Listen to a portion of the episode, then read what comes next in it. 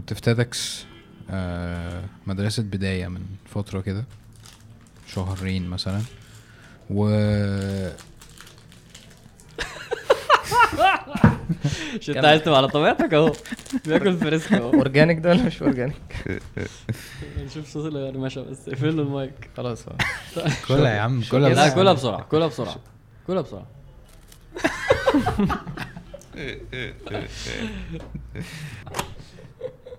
انت شفت اول لقطة في ال- في البودكاست الأخير؟ ما شفت. شفتهاش صح؟ شفت شفت. تقريبا انت بتقول قطعت حاجات و... يعني ده مش معانا أصلا. وبعدين طيب؟ إيه؟ شفت الباقي يعني؟ لا قلبت scroll كده عشان أ... اللي هو إيه طيب ماشي. لقيت شوف- بقى angle حلوة. قوي. عشان أشوف صورتي حلوة. ولقيت صورتي مت pixelة أصلا ومش focus pixelة ولا مش focus معرفش بتسموها إيه. أيوه out of focus آه.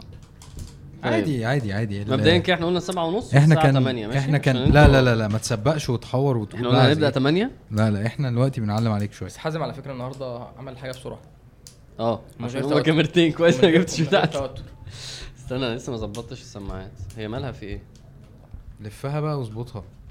أيوه صح. تست تست تست تست تست تست تست. طيب آه فرصة كويسة إن إحنا نقول للناس إيه اللي بيحصل. اولا لما آه تعمل test عن آه test test اولا ال- اولا. ال- البودكاست آه نزل على قناة جديدة خالص. آه ولو أنتوا بتتفرجوا على علينا دلوقتي فانتوا أكيد على القناة دي. ف... فلو أنتم مش عارفين اعملوا subscribe يعني لو أنتوا على القناة الجديدة دي اعملوا subscribe علشان الحلقات إن شاء الله هتنزل على القناة دي من هنا ورايح. لأن البودكاست آه كبر يعني في قلوبنا. عشان بس الناس تبطل تقول لك هات فلان وهات فلان. يا جماعة يا ابني بيقولوا لي على البودكاست بتاعي أنا مش على بتاعكم. يا عم والله لا. فعلا؟ آه والله. والناس يعني مش ملاحظين 10 حلقات مثلا اللي فاتوا كلهم نفس الناس. وبرضه في إصرار أنا بحب الإصرار ده. يبقى قابلني بقى. عندنا غيرنا القناة كلها. عاش عاش. آه. آه, آه دي حاجة. الحاجة التانية إنه إن ده بودكاست فهو بينزل أصلا audio فأنتوا ممكن تعملوا آه تنزلوا بقى ال apps اللي هي بتاعت Google Podcast أو Apple أو آه أو أو أي app آه في بودكاست و SoundCloud برضو. هتلاقوا البودكاست نازل موجود وبيجي لكم notification كل أسبوع أول ما بينزل إن شاء الله على طول يعني. بحيث تسمعوه وما تشوفوش آه وشوشنا. طيب إحنا لسه إحنا لسه مكملين إحنا مكملين. آه، إحنا لسه مكملين على السياق آه، أو على ال- topic آه، الشائك بتاع الحلقات اللي فاتت. وبنحاول نأسس لحاجة. فكرنا كده ادينا كده والله ادينا recap كده عن إحنا بنعمل إيه و... آه ماشي. إحنا بنتكلم عن آه عن الشهوة بمعنى عام عن حاجة ربنا وضعها فينا والحياة دي قائمة على أساسها. إزاي دي ممكن حاجة توديك الجنة أو توديك النار. وفي نفس الوقت تقيم دنيا آه طيبة وصالحة والواحد يعيش فيها سوي على الفطرة أو تخلي الواحد آه، زي ما ربنا قال حيران. مش مش فاهم هو المفروض يشوف نفسه إزاي يفهم ال- البنت إزاي يتعامل إزاي. ولما اتكلمنا في أول مرة أظن وضحنا كتير إنه يعني الطريقين اللي- المجتمع اللي هو دلوقتي اللي هو فاتح باب الشهوة ده وخلاص ماشي ورا نفسه ماشي ورا أهوائه. آه في في كوارث في المجتمع اللي بقى مش فاهم ومش عارف يربطها بالشهوة ده في قمة الغيبوبة. حلو. يعني اللي مش فاهم إنه اللي بيحصل من من من إباحية وفساد وعري وبذاءة و- و- واغتصاب و- وتحرش و- وفي أولاد زنا وفي جرائم قتل بسبب انه أصلا ده صحي مش لاقي. اللي مش فاهم إنه الحوار في الشهوة في القضية دي ده أصلا مغيب فعلا. فأتمنى يكون ده واضح. وبعد كده إحنا قلنا إنه إنه أول أبواب انفتاح الشهوة عليك هي بصرك. والحاجات اللي بتتعرض ليها في بصرك سواء في الشارع في البيت في الموبايل في الأفلام في و... وممكن تتعرض لحاجة عادية ممكن تتعرض ل level الإباحية ال porn. و... واتكلمنا في ده عشان ده أول الباب. ده أول حاجة خالص. ده أول منافذ آه، إثارة الشهوة وإن أنت تبدأ تروح في. في الحياة الغلط دي بقى. فده اللي اتكلمنا فيه. عندنا النهارده نخش في الموضوع. عندنا عندنا آه، نقطة تانية هي انه لما ربنا برضو خلقنا وخلق الذكر والأنثى ف... ف... فخلى ما بيننا في تعاملات. و... و... وبرضو إما إنه الواحد في اللي هو الاختلاط ده لما ولد وبنت أو ولاد وبنات يحصل ما بينهم اختلاط. إما ان الواحد برضه هيطبق ضوابط معينة وهيحكم الموضوع بشكل معين ويبقى ليه معايير وهيبقى ليه حدود وهيبقى ليه شكل أو إن هو هيفتح. حلو.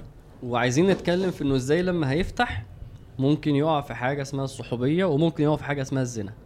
ده okay. هدفنا النهارده. حلو. فبعد ما قلنا ما اضبط بصرك وغض بصرك طيب لما هتعامل ما هو ده هيحصل. و... وأنا في الجيم كده معدي لقيت عارف أنت دايما إيه في ناس بتحب تتكلم كده وخلاص. فلقيته بيقول إيه؟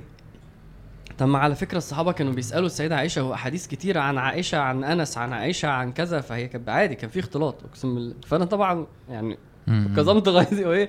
بس مش هقف في الجيم لأن في ناس ما ينفع غلط تتكلم معاهم في ليفل فكري وعقلي هو أصلا آه ف فانما إنما هو أصلا إن تراوده ال- ال- ال- إن هو يشوف الاختلاط كده ويوصل يوصل له عروة عن عائشة ده عروة ابن أختها يعني. أيوه لا لا ده مبدئياً هو يعني. أصلا قال عن عائشة عن أنس وده ما حصلش. هو هو بس كم اسم صحابة ذكرهم فحطهم في في, في سند و- وبيحاول يوصل مش مثلا حتى يقول ده في سياق فتوى ده في سياق علم ده في سياق تربية. طيب هو إيه من, الصح؟ من وراء حجاب أو آه وراء حجاب ما قالش حاجات خالص ما قالش يعني في حاجات كتيرة فايتاه لا لا قصدي إيه الصح يعني هم كانوا بيتواصلوا مع الصحابة إزاي؟ هنتكلم.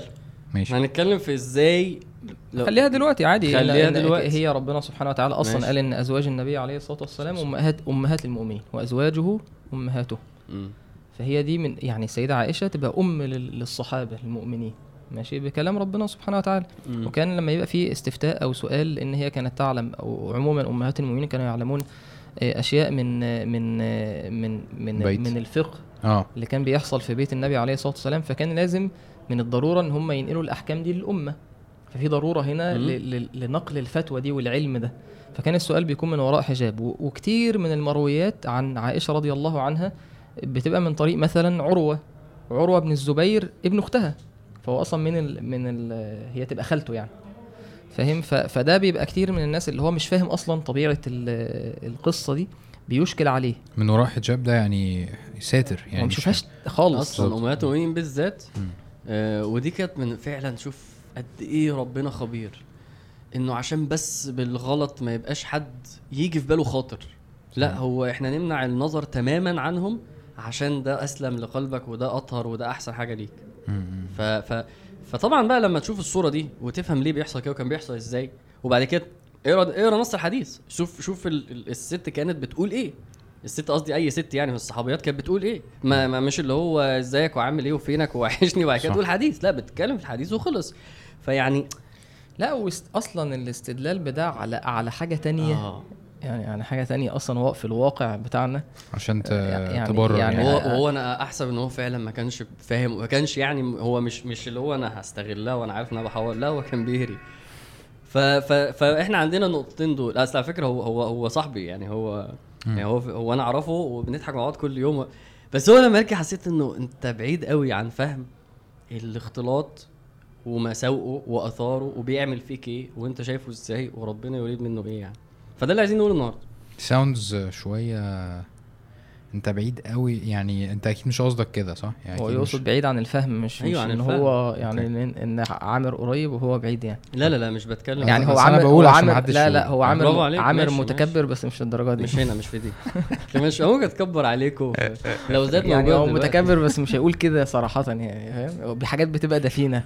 بتظهر في الفلاتات يعني. اعتبرني قلت كده بس جوايا إنما دي مش قصدي دي حاجات أوحش من كده لا لا أنا أنا طبعا أنا بتكلم على إن هو بالعكس ده إحنا البودكاست ده انت جاي انت رحت الكاميرا الثانية البودكاست ده رحمة.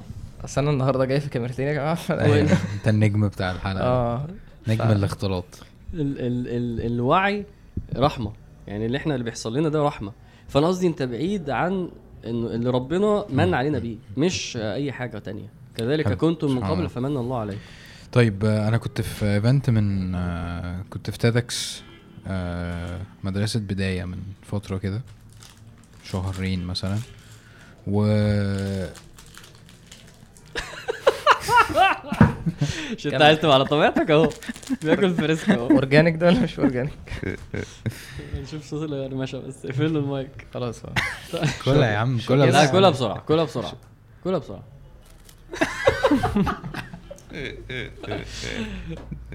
هي دي الحاجات اللي بتلبسنا ال comments ات اللي بنشوفها دي. يا جماعة إحنا عايزين بس يعني عايزين شوية احترام بس مش هينفع. بعد عن ال channel بتاعتي ما تقعدش تيجي تقول لي بقى إيه الناس بتوعك ومش عارف إيه. آه عادي. هنشوف اللي هيحصل. عادي الناس بتوعنا. آه لسه لسه واحد برضه قريت آه، إن هو بي- بيوجهني إن أنا ما أقاطعش وكده. أنا لا حاسس لا إن أنت بقيت كويس جدا ما شاء الله فعلا. أنا حاسس إن الناس يعني خدت بقى أيوة، أيوة. بقول لك يا خد أنا عايز أقول لك حاجة. أيوة. يعني بس شريف هو اللي عامل فينا كده اديك شايف. يلا يلا. عامر يا جماعة بيزعل من الحاجات دي احترموه شوية بس. يعني فرق السن بس يعني لو لقيت إن أنت بهزر بهزر قول. آه ف... فهو ال event آه كان حلو جدا وفعلا كان professional جدا يعني. ال organizers كانوا مظبطين جدا وبتاع. إن شاء الله. آه وهم طبعا طلبة مثلا في أواخر. ال high school آه مثلا فاهم؟ ف اللي كان حاصل إن الجو كان friendly بزيادة قوي بين. الولاد والبنات تمام المفروض ما كنتش ما كنتش أقول اسم المدرسة صح؟ لا يعني بالعكس المدرسة بتعمل حاجة كويسة جدا تمام بصراحة بالظبط هو أنا من باب إن أنا فعلا بحترمهم يعني آه آه. وهم شباب فعلا يعني لا وهم محافظين على ده بس خلي بالك يعني انت أنت هتحط رولز ولو لو أنا كسرتها أنت ممكن فعلا ما تقدرش تعمل حاجة يعني خلينا نقول برضو دور المدرسة مم. هو يعني في الأول وفي الآخر في حتة عليك أكيد. في حتة عليها يعني ف أنا بتكلم على البعد بتاع إنه هم بيح بيعملوا حاجة آه في ظاهرها خير. مم. فده بيخلي الواحد آه اللي هو مثلا تعالي بس أقول لك ومش عارف إيه ومستعجلين ويلا ومش عارف يعني عارف في في friction كده بيحصل كتير قوي آه بهدف إن إحنا عندنا حوار ومهمة وحوار كبير. و- وده كمان بيبقى ال- يعني ممكن يكون TEDx مثلا حاجة مش مهمة قوي مثلا مم. يعني. فبيبقى في student activities بيبقى فيها أهداف أصلا آه، ممكن تبقى فيها خير مثلا أو أو تبرعات أو دين أو أيوة. حاجات ايا كان يعني فده برضو بيخلي الواحد يحس اللي هو إيه آه، لأ دي أصلا آه، أنا مش بتريق خالص فعلا يعني. دي أصلا أختي ومش عارف إيه و... والدنيا بتبقى سايبة خالص يعني. فأنا فعلا يعني بنت جت وقفتني بعد ال event وقالت لي أنا في في BUE ولسه داخلة الجامعة وفي مشكلة مع الاختلاط ومحتاجاكم تتكلموا في الموضوع ده. حلو. فأنا فعلا بجد يعني فعلا ما عنديش إجابة على فكرة إنه إزاي أكون جزء من حاجة ومحافظ على ال ضابط آه. ممكن أقول حاجة؟ مم. يعني اللي أنت بتتكلم فيه ده دي اولا نقطة مهمة جدا لأن كتير من ال- مننا يعني بيبقى متصور إن إن الموضوع بيبقى إيه يعني واضح أبيض وأسود يعني. فهو إيه- يعني إيه يعني مثلا ممكن عامر في البداية بيتكلم إن الصحوبية ممكن توصلك للزنا. فيقول إيه ده؟ يعني أنت أنت ليه بتكلمني عن الزنا؟ يعني ممكن مم. بنت أو ولد دلوقتي أنا متصور إن هو بيسمع مثلا أنت ليه بتكلمني عن الزنا؟ أنت ليه تفكيرك آه، شهواني كده؟ ماشي. يعني ليه ليه ليه على فكرة إحنا ال... إحنا بينا عادي إحنا صداقة بريئة أو إحنا مثلا إخوات عادي وبنشتغل مع بعض وفي بينا كل احترام. وده ممكن يكون واقع فعلا. يعني ممكن يكون في العلاقة فعلا تكون محترمة ومفيش مفيش بينهم إيه فعلا حاجة. يعني ال- الحاجات اللي هي المتطورة اللي إحنا بنتكلم عنها. لكن الشرع لما سبحان الله ربنا سبحانه وتعالى لما لما بيشرع علينا حاجة وخصوصا في المسائل مسائل الشهوات اولا ما بيبقاش التشريع على على شخص على الحالات ال- الفردية. يعني في واحد مثلا يعرف إن هو بيبقى على الورست كيس؟ آه يعني على عموم- على على عموم على البشر. عموم الناس. يعني هي هي اولا في فطرة الفطرة اللي هي الطبيعية في كل الناس السليمة اللي ربنا سبحانه وتعالى خلقها فينا اللي إحنا اتكلمنا فيها في الحلقات اللي فاتت. إن طبيعي إن في ميل من الرجل للمرأة ومن المرأة للرجل. فده الأصل. يعني الأصل إن الراجل بيميل. وده كان واضح في في الآيات في قول الله سبحانه وتعالى زين للناس حب الشهوات من النساء. وكلام النبي عليه الصلاة والسلام ما تركت بعدي فتنة أضر على الرجال من النساء. ولا يخلون رجل بامرأة آه، ما خلى رجل بامرأة إلا كان ثالثهما الشيطان. فحديث كتير وآيات بتعرفك إن في في تحرك للشهوة والميل من الرجل للمرأة ومن المرأة للرجل. يقول مثلا للمرأة فلا تخضعن بالقول فيطمع الذي في قلبه مرض وقلن قولا معروفا. لما تيجي تكلمي تكلمي جد. ما ترقيش صوتك علشان في شهوة في قلب الرجل ممكن تستثار بمجرد ال- الدلع في الكلام مثلا. فالشرع لما بيجي بيتكلم على على على العموم على طبيعة الناس. وفي أبواب معينة الشرع ما بيسيبكش. ربنا سبحانه وتعالى من رحمته بالإنسان. مش هيترك الإنسان يصل لحد الحد المعين اللي ما يقدرش فيه يقاوم نفسه ولا يقاوم شهوته وبعدين يقول له إيه, إيه, إيه اقف هنا. يعني فاهم؟ أنت ممكن تفضل ماشي في طريق أنت بتتزحلق. وبعدين ما اجيش وانت في آخر الزحليقه أقول لك إيه؟ إيه لا حرام إن أنت تتزحلق من الحتة دي للحتة دي. طب ما أنت أنت أنت جاي نازل كل ده فطبيعي إن أنت إيه؟ أيوه. الطبيعي إن أنت هتكمل مش صح. هتقدر أنت توقف صح. نفسك هنا. بالظبط. فيجي ال- على الكلام عن الشهوات وخصوصا ال- ال- الشهوة دي خصوصا اللي هي العلاقة بين الرجل والمرأة اللي هي الزنا الفاحشة يجي يتكلم من إيه؟ من بدري شويتين. يعني زي ما إحنا اتكلمنا يقول لك غض بصرك. إيه ما تلمسش. لا تقربوا الزنا. إيه مثلا يجي يتكلم مثلا إيه, عن الص... وإحنا بنك... في الآيات عن الصيام مثلا. إيه إيه يقول مثلا إيه, إيه إيه أحل لكم ليلة الصيام الرفث إلى نسائكم. في الآخر يقول تلك حدود الله فإيه. فلا تقربوها. في آية تانية فلا تعتدوها. هنا يقول لك لما كان الموضوع فيه مثلا مال لا تقربوا مال اليتيم. في علاقة بالمرأة في زنا في شهوة يقول لك ما تقربش. لا تقربوا الزنا. ولا تقربوا الزنا إنه كان فاحشة وساء سبيل. فلما تيجي تتكلم مع مثلا شاب يقول لك لا عادي أنا أنا يعني أنا ما فيش بيني وبينها حاجة أنا بس نيتي كويسة. أنت ليه بتكلمني؟ أنت ليه متصور إن أنا بفكر كده؟ أنت ليه متصور بتبني إن كل العلاقات ممكن توصل لنفس النتيجة؟ بتقول له لا هو ال ال ربنا سبحانه وتعالى لما شرع الشرع ده بيتكلم عن إيه؟ عن عموم الناس. ماشي. عموم الناس يعني طبيعة الناس كلها بتخاطب بالخطاب ده. فاهمني؟ عايز معلش اضيف حاجة؟ اتفضل. لأن أنا مرة دخلت في النقاش ده وأنا كنت الشاب ده عشان بس يعني أقول لك أنا كنت واقف فين ساعتها. في النقطة دي برضو بتاعت على فكرة أنا مش مش أنا هي نفس الكلام. على فكرة أنا مش شرط هصاحب. صح. آه زي بالظبط كانت على فكرة أنا ممكن أشرب في اليوم بق بيرة واحد وما أسكرش طول حياتي. خلاص كان النقاش ده. بس النقاش بتاع الشهوة واضح قوي.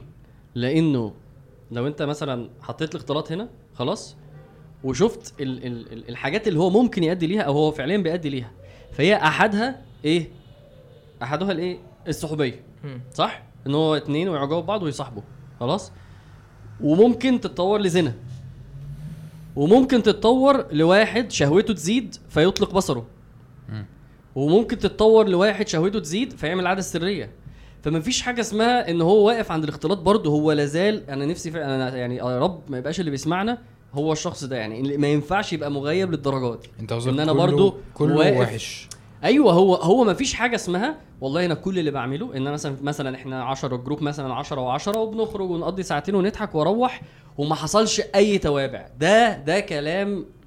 ملوش أي علاقة باللي بيحصل لك. يعني خصوصا نفسي بقى إن الشخص الواقع بيقول غير كده. أيوه ما أنا نفسي هو يقعد يقول لنفسه أنا بيحصل لي إيه؟ بسبب ده. ما هو لما بيروح على الفيسبوك ويطلق بصره عشان هنا شهوته اتحركت فهو عايز لما بيعجب بواحده عشان شهوته اتحركت لما بيتفرج على حاجة غلط عشان شهوته اتحركت هو ده التريجر الأساسي البصر والاختلاط. فهو لازم الواحد اللي يفهم الأول الاختلاط ده ممكن بيوصلني لإيه؟ أنت بقى اسأل نفسك هو موصلك لإيه؟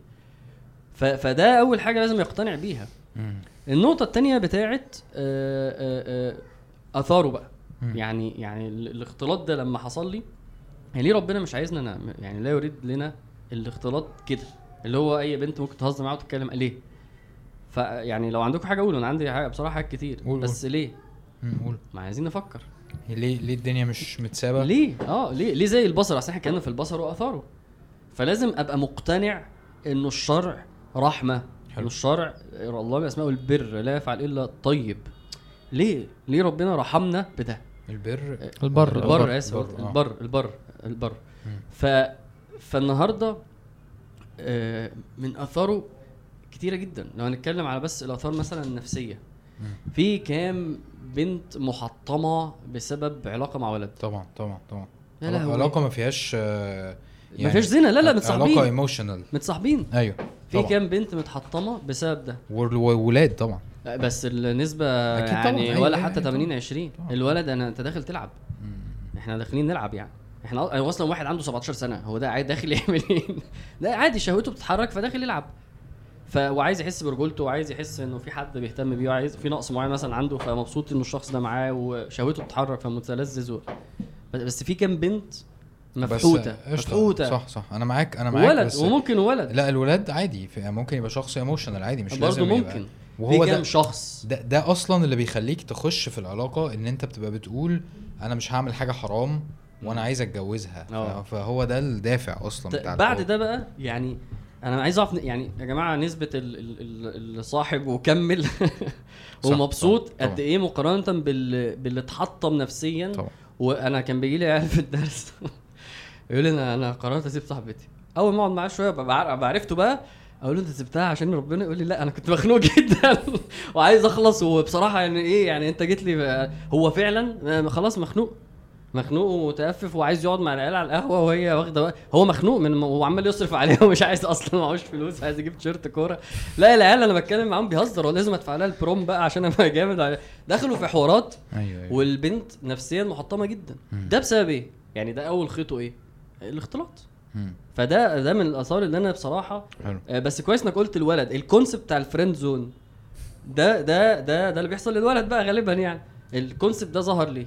عشان في اختلاط حصل ففي إعجاب حصل.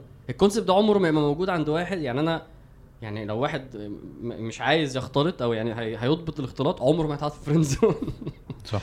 يعني دي نصيحة غالية لكل واحد دلوقتي مزنوق في الكورنر ده. إن أنت يا ابني يعني ما تذلش نفسك. طب قول الحتة اللي أنت كنت يعني أنهي بتاعت ال- ال- الولد وبتاع. أيوه مشكلة كبيرة طبعا. يعني هو الشيطان لعيب جدا عارف؟ وفعلا الشباب المتربية ولا بتاع هو بيبقى شايف إن هو أنا عايز أتجوز عادي. وانت طبيعي جدا ان انت آه، من وانت صغير من وانت 16 17 سنة انت انت بتبقى جاهز انك تتجوز. مش مش طبعا مش مش financial يعني أيوة، بس أيوة. انت جاهز انك تتجوز عادي. فكرة ان اللي بيتجوز وهو عنده 30 ولا 25 ولا 28 ده عشان الظروف كده بس انت جاهز. وعايز فعلا emotional connection عادي جدا طبعا. ماشي. ف... ف... فالشباب بتتهان برضو. والأزمة الأزمة في في, ال- في العلاقات الكبيرة إنه ان إن ال... ال... الصحوبية دي ما هياش علاقة مكتملة.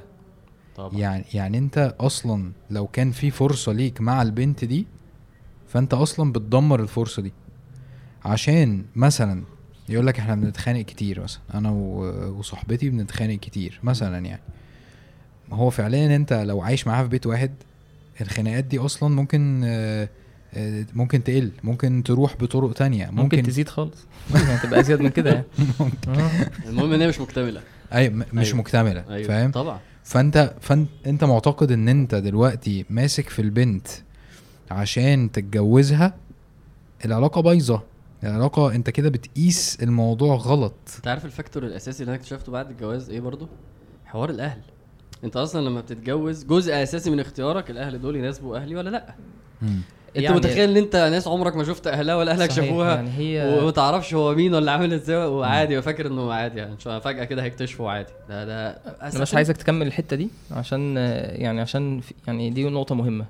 لأن كتير من الشباب هو مش مش ال مش ال ال ال الصنف اللي عامر بيتكلم عنه ده موجود كتير اللي هو أصلا هو بيتسلى ومش فارق طبعاً، معاه والحوار ده طبعاً، مفيش طبعاً. مشكله ده موجود كتير طبعا لكن في شباب كتير هو هو يعني فعلا هو بيحب بجد مم. يعني هو واحدة بيحبها ومعجب بيها وم- ومنقي واحدة مثلا هو شايفها محترمة و- ونفسه إن هو يكمل معاها ونفسه إن هو يتجوزها عامر قال كلمة يعني هو بيقول عامر بيقول إن كام واحد أو يعني كام اتنين متصاحبين كملوا مع بعض وعاشوا سعداء. ودي أصلا من من الشبهات. يعني ممكن واحد دلوقتي بيسمع يقول لك إيه طب ما أنا عارف فلان وفلان اتنين فلان وفلانة أيوة. كانوا متصاحبين.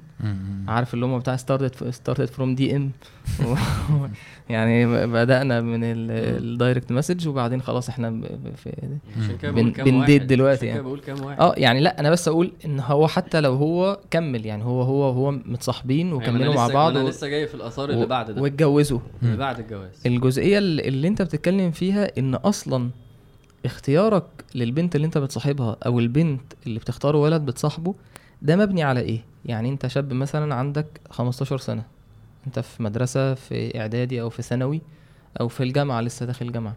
فانت دلوقتي جواك آه، آه، فراغ عاطفي عايز تملاه وفي شهوة والموضوع ليه متعة ولذة. فانت لما بتختار البنت بتختار على إيه؟ أو البنت لما بتختار الولد بتختار على أساس إيه؟ إيه المعايير اللي انت بتختار عليها؟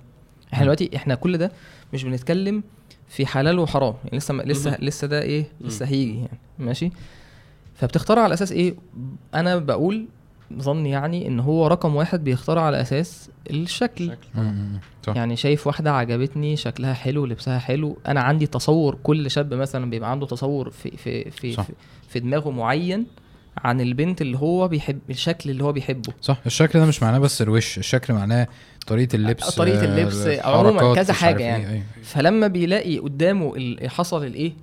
التوافق ده. سباركاية، آه. يعني لقيتها شفتها في درس شفتها في المدرسة شفتها في النادي شفتها في الجامعة ايا كان فبيبتدي إيه خلاص يعني يحس إن هي دي. مم.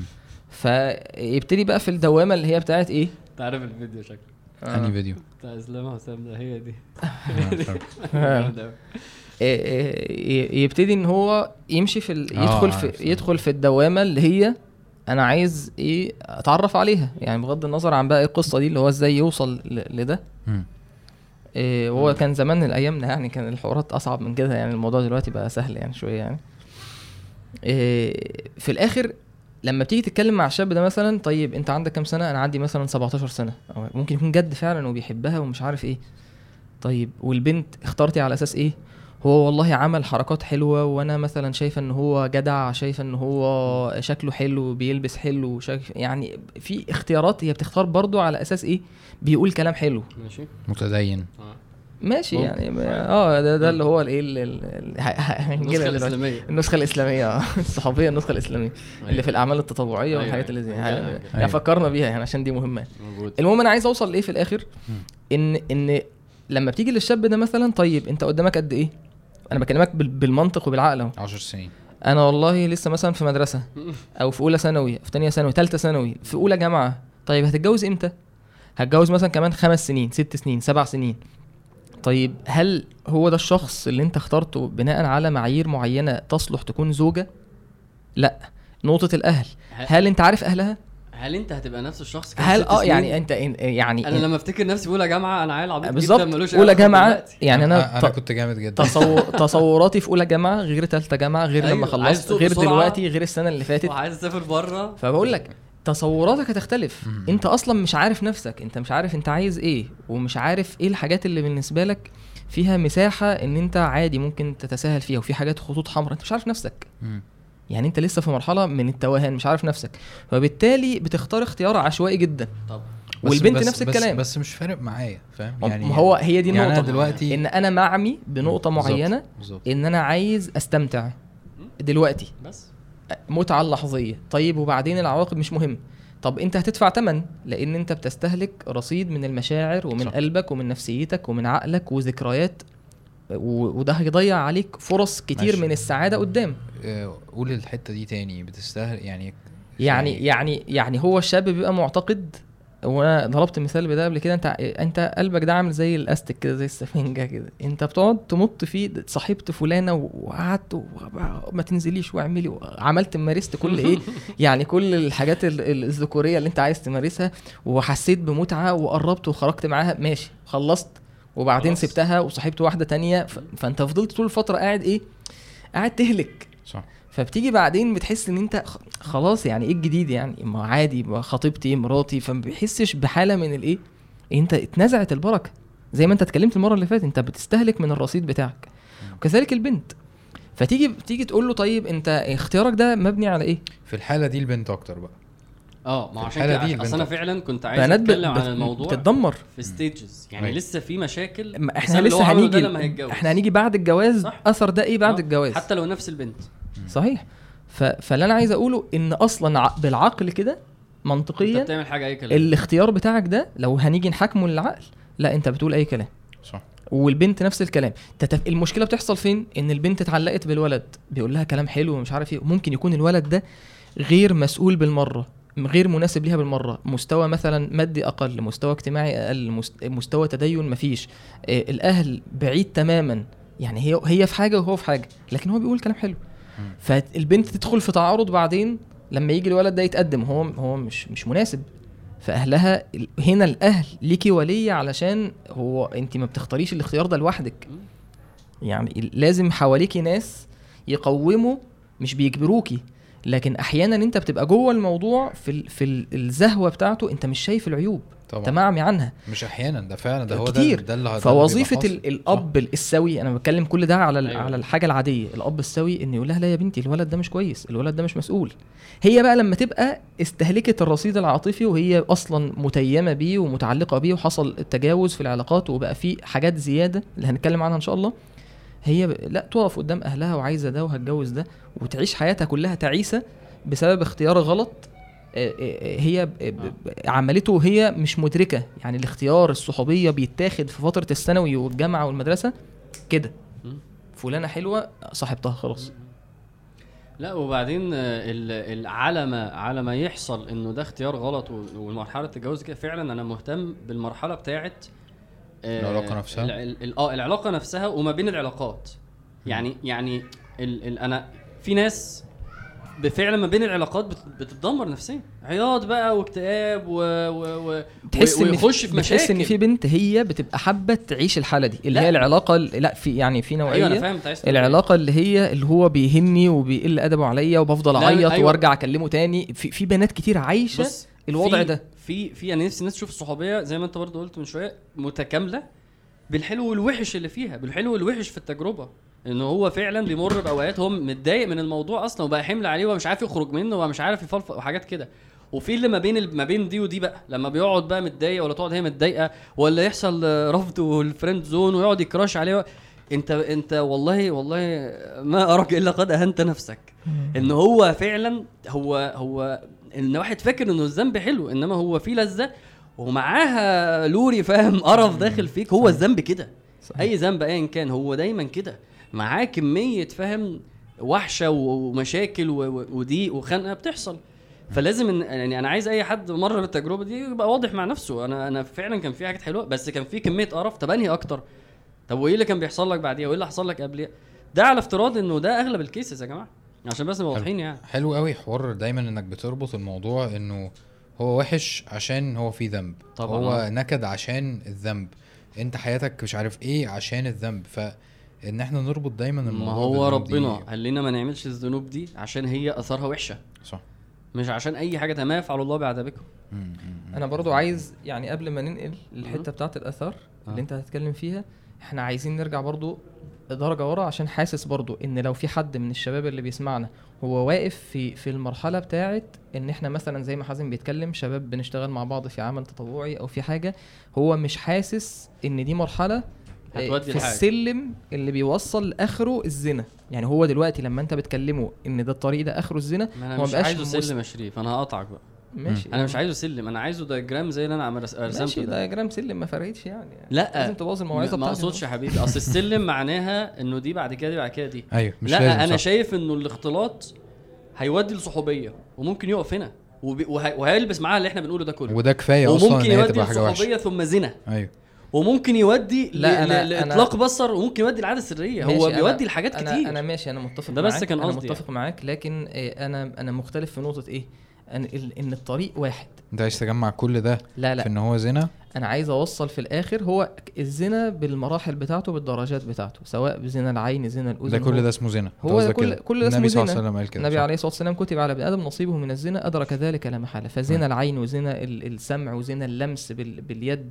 البطش اللمس وبالتقبيل بالفم. كويس تمام. ماشي ما إحنا بس كده سيبني أوصل مختلفين في سيبني أوصل بس ماشي. الوجهة اللي أنا عايز اوصل لها أنا عايز أوصل أنا عايز أوصل في الآخر إن ال إن ال إن هو في خطوات معينة أنت مم. بتمشي فيها آخرها ده محالة صح. آخرها الزنا. صح. اللي هو النبي عليه الصلاة والسلام قال عليه كتب على ابن آدم نصيبه من الزنا أدرك ذلك لا محالة. فالعينان تزني فالعين تزني وزناها النظر. واليد تزني وزناها أو ال- البطش أو اللمس معنى اللمس يعني. والاذن تزني وزناها الاستماع اللي هو يسمع الكلام ال- ال- الحلو الجميل اللي بيثير الشهوات. ويتلذذ بيه. والفم يزني وزناه ال- التقبيل القبل يعني. والرجل تنز تزني وزنها إيه؟ الخطى يمشي في طريق الزنا. والقلب يهوى ويتمنى. يعني كل ده حديث صح؟ كل ده في آه. الحديث. والقلب الله. يهوى ويتمنى. يعني ي... هو دلوقتي قاعد يتك... يشوف. وبعدين يسمع كلام جميل بيتكلموا. وأنا دايما بقول للشباب الكلمة دي الكلام بيخلص. يعني أنت بتتكلم مع واحدة الكلام بيخلص. يعني لازم هتنتقل للمرحلة اللي بعدها. قلت لها خلاص بحبك ووحشتيني وخلاص و... جميل. وبعدين؟ هيبقى في بعدها. يعني أنت الشهوة بتفضل طبعا. تطلع منها الحاجة لأعلى حاجة. يعني أنا الأول بقى في خلوة لمسها مسك ايديها يتطور الوضع اللي بعد كده. كل شوية تبقى عايز اللي بعده وجرب حاجة جديدة. واللي وقع في الزنا ما وقعش في الزنا أول مرة. هو مشي على السلم من البداية كده بدأ لأن ربنا سبحانه وتعالى كده يا أيها الذين. آمنوا لا تتبعوا خطوات الشيطان. ماشي؟ هرجع للآية دي تاني. فتكمله الحديث قال والقلب يهوى يتمنى. فهو لما قعد يبص يبص عليها والعشق بيجي من تكرار النظر. يفضل يبص عليها وهي تبص عليه ويتفرج على صورته وتحط صورته على الموبايل وتحب فيه ويتكلموا مع بعض وتسمع كلامه ويسمع كلامها ويسمع صوتها. كل ده بيثير الشهوة اللي في القلب والقلب يهوى ويتمنى. يتمنى إيه؟ سبحان الله. الفاحشة. صح. قال بعدها إيه؟ مم. والفرج يصدق. يصدق ذلك أو يكذبه. يبقى أنت واقف على على التكة الأخير اللي هو اللي دي أصلا بالمناسبة بتحصل. يعني ده ده اللي أنا مختلف فيه معاك إن يا عامر الشيطان هدفه واحد صح؟ هدفه إن هو يوصلك للفاحشة للكبيرة من الكبائر للزنا. يا أيها الذين آمنوا لا تتبعوا خطوات الشيطان. ومن يتبع خطوات الشيطان فإنه يأمر. هو الشيطان ليه سلطة على الإنسان إن هو يأمرك؟ يقول لك اعمل كذا؟ لا. لا بس أنت لما بتفضل ماشي معاه درجة درجة بيوصل بيتحكم عند فيك. مرحلة بتبقى أنت ضعيف. صح. فيقول للبنت اعملي. فعلي كذا. طبعا. هي هي خلاص استسلمت فبدأت كل الحصون بتاعتها بتاعه الدفاع تسقط حصن ورا حصن فقدام حبها للولد قدام ال- الضعف قدامه فتعمل أي حاجة هي ما كانتش عايزة تعملها. فتقع في الفاحشة تقع في الزنا. وكذلك الولد. قال يأمر بالفحشاء والمنكر. فده اللي أنا بقوله إن النفس أمارة بالسوء وفي ميل جوه الإنسان في فطرة جوه الإنسان هي بتميل لده والشيطان هدفه واحد فالطريق كله بيصب في الآخر لإيه؟ إن أنت تقع في الحتة دي. سواء بقى عن طريق إن أنت دخلت لها من سكة آه، آه، إن إحنا أصحاب عاديين فبعدين اتطورت للصحوبية. المهم إن هي في الآخر ده الهدف. وصلت له أو ما وصلتلوش أنت ربنا قال لك من البداية إن أنت تبعد عن الطريق. يعني النهي مش ولا تزنوا قال ولا تقربوا. يعني أي درجة من الدرجات بتوصلك أنت منهي عنها. يعني ال- البصر محرم لذاته ولا لغيره؟ غض البصر؟ لغير لغيره. يعني يعني, يعني عشانه في نفسه ولا عشان حاجة تانية عشان؟ هو في نفسه ولا عشان هيوصلك لحاجة تانية. عشان لا لا عشان. هيوصلك لما انت هتبص هتوصل لحاجة تانية النظر بريد الزنا بس بس انت بتأثم عن النظر برضو أيوه, أيوة. بس, المحرم لذاته غير أوكي. المحرم لغيره أوكي أوكي المحرم لغيره المحرم لذاته الزنا أكبر أيوه أيوه أنتوا أيوه أيوه إحنا. شيوخ إحنا شيوخ أيوه ما أنا كنت هقول شيوخ. بتتنططوا ع- معلومات عاش عاش يا شيخ لا لا لا لا بس، يعني ده آه، دي دي مش قصدي لا، لا، مش- عايش والله، قصدي. إن دي حاجة في معنى معنى عشان الشيخ. عمرو لو سمع. دي بالصدفة كده إن أنت إن أنت تفهم لا يعني دي عارف الحديث اللي أنت بتحبه اللي هو بتاع ويحك لا تفتحه. إن إحنا عندنا في حاجة اسمها سد الذرائع الحاجة دي ممكن توصلك لل- للز- للزنا للفاحشة مفهوم فأنت المفروض إن أنت تبعد عنها أيوه فالحاجات دي محرمة عشان الزنا أيوة. بس هي في حد ذاتها برضو؟ طبعا حرام. أيوه آه. تمام. طب عايز عايز أقول حاجة هتتبسط منها آه،. عشان نحس إن إحنا مختلف متفقين. إنه لو كانت لو كون لو كانت الظروف مهيئة كان هيبقى أي واحد هيختلط هيزني. صح. عشان اللي بيقول لا أنا مش هزني أو أنا ما بزنيش. صح. لو الظروف اتهيأت لك لو اتحطيت في في البيئة الصح بالظروف الصح لأن كان في ساعات في واحد عايز يزني ومش عارف. صح. هو وصل لأقصى اللي يقدر يوصل عليه زي ما تقول بقى هم اتكلموا مع بعض. آه، هزروا مع بعض بالإيد بدأوا يتصوروا بدا يحط إيديه عليه. هو وقف عند مرحلة غصب عنه. صح. هو مش عشان هو تقي وورع إما إن هي هو وقفته وقف أيوه طبعا. إما هي آه، وقفته أو أو إن هو المجتمع مش- وقفهم آه، أو هم صح. وقفوا. صح. وعشان كده هو اولا مبدئيا المرحلة دي زي الزفت. واللي برضه في ناس في ناس مش ما صاحبتش عشان مش عارفة تصاحب.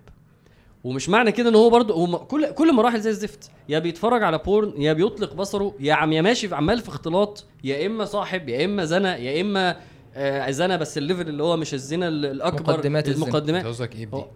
إيه؟ قصدك إيه بإنه آه، مع مش عارفين يصاحبوا آه، يعني في واحد ما صاحبش في واحد آه، والله محطوط في ال friend zone ومش عارف إن هو يبقى bad boy في نظر واحدة ويصاحب. فغصب عنه مش مصاحب. أيوه يعني أنت قصدك. إنه كله بيأدي لكله هو آه هو قصدك إيه؟ أنا قصدي إنه لو الدنيا لو الدنيا لو الدنيا مشترك ده إنه آه. مشترك ده لله مثلا أو تقوى أو كده لا، لا، هو هو- مش عارف يعمل ده آه يعني في- كله بقى أنت قصدك على كله يعني لو أنا اتحطيت في الظروف الصح وأنا يعني آه آه. إن شاء الله لا يعني آه، هوصل للزنا طبعا صح لا محال ده اللي موجود بره.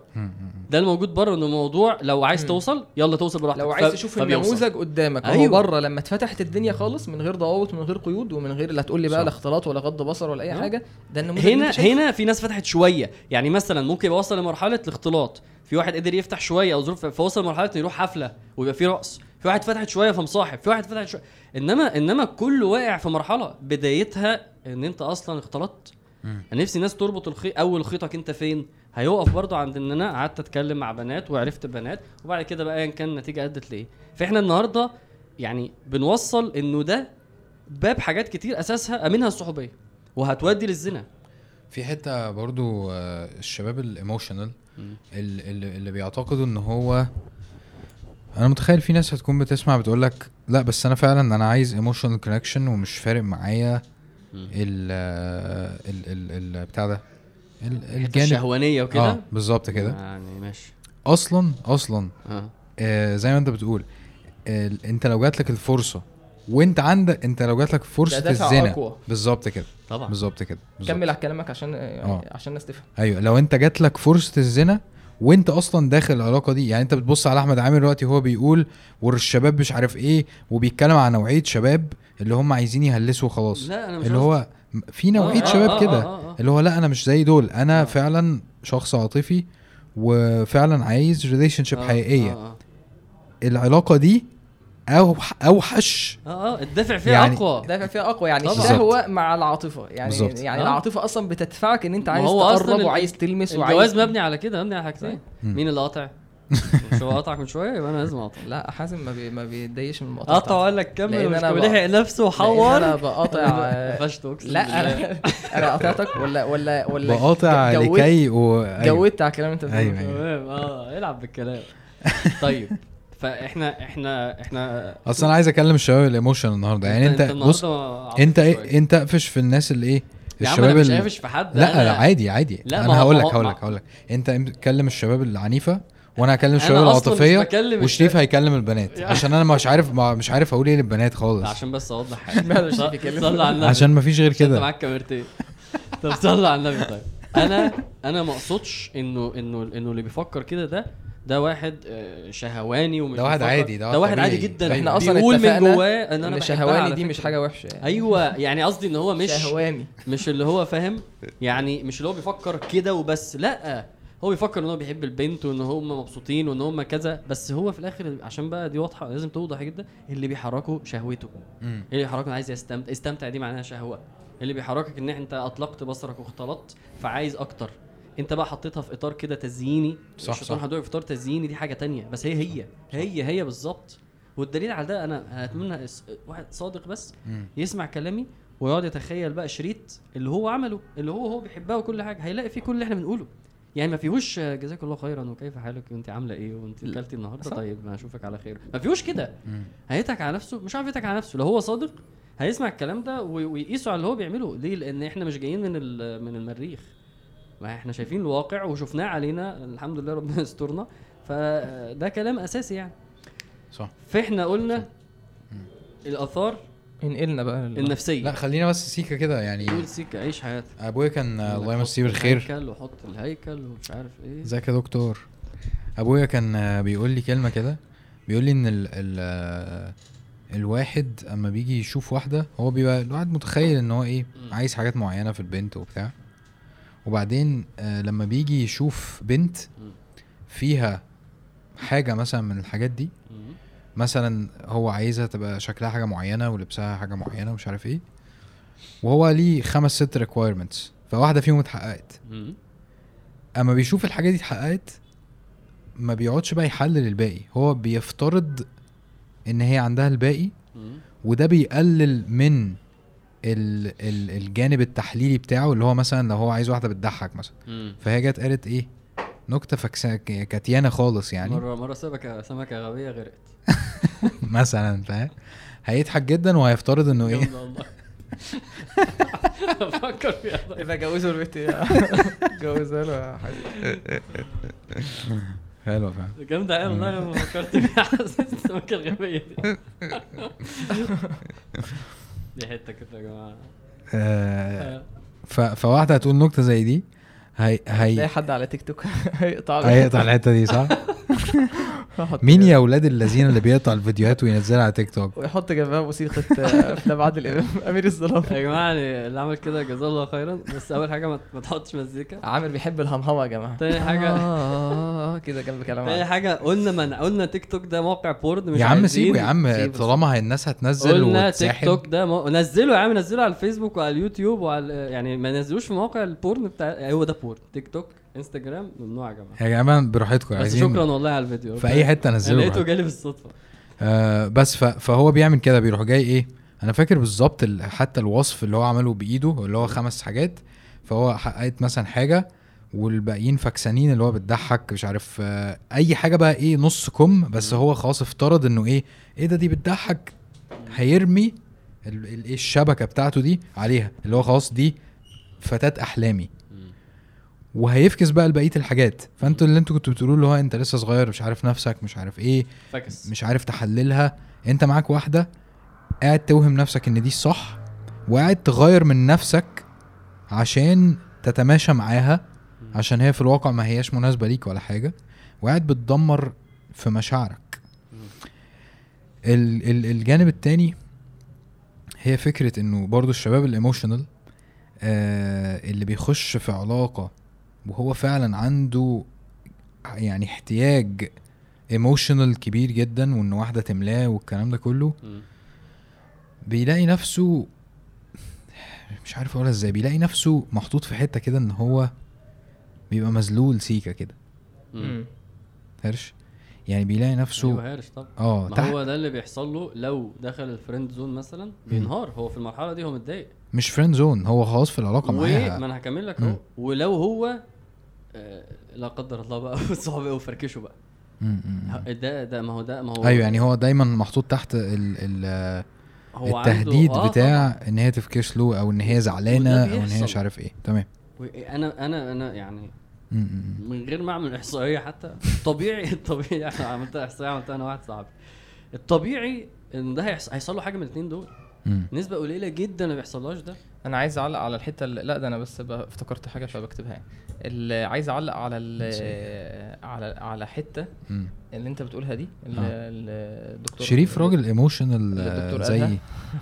اللي الدكتور. قالها لا يعني ال ال مثلا انت انت علاقتك بالبنت بتبقى مثلا ممكن تبقى مبنية أيوة. على ثلاث حاجات يعني ال- العقل المعايير ال- العقلية المقاييس اللي انت بتقيس عليها مم. إيه سواء أنت بتختارها على مثلا مستوى مادي مستوى اجتماعي مستوى ماشي. تعليم حاجة معينة في الشخصية حاجات أنت معايير عقلية بتقيس عليها م. الحاجة التانية ال- الشهوة مم. مم. اللي هي العلاقة الزوجية العلاقة الجسدية الحاجة. الثالثه الحب المشاعر ماشي ال- ربنا سبحانه وتعالى من من رحمة ربنا ومن حكمة ربنا سبحانه وتعالى إن في فترة الخطوبة أو في الاختيارات اللي أنت بتختارها وده إن شاء الله ممكن نبقى نيجي نتكلم معاه بعدين لو لو اتكلمنا فيه في التفصيل يعني عن موضوع الخطوبة والحاجات دي من رحمة ربنا ومن حكمة ربنا إن أنت لما بتيجي تختار في البداية بتختار ب- بتج- بتغلب الجانب العقلي م- م- م. مشكلة العلاقات اللي هي الصحوبية وال وال والخطوبة لما بيبقى فيها ما فيهاش ضوابط الشرع لما انت خلاص دي خطيبتي فخطيبتي فلسه مخطوبين النهارده فتاني يوم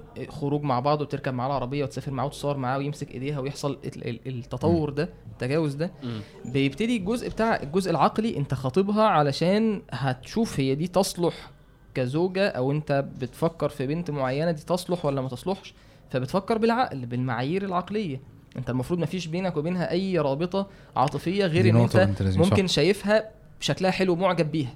آه معجب بيها ده ده مش كفاية إن دي تصلح كزوجة فأنت مم. بالتالي في حاجات عقلية فلما أنت بتغلب الجانب إن إحنا متصاحبين ففي حاجة كده بتقوم قايلة للعقل إيه ريح أنت شوية م. الشهوة بتخرج اللي أنا في تقارب ففي متعة في لذة آه، في مشاعر عاطفية ممكن بتبقى زائفة ولا محاله لا محالة إن الشهوة لو قعدت في كرسي السواق خلاص كده. العقل بي- هو بيقعد بيلغي- ورا. بيلغي طبعا. ده ده تعب- حلو ال- حلو المثال ده. إن الشهوة لما بتقود ال- الأمر ده هو بالتالي هو ما عادش بيفكر.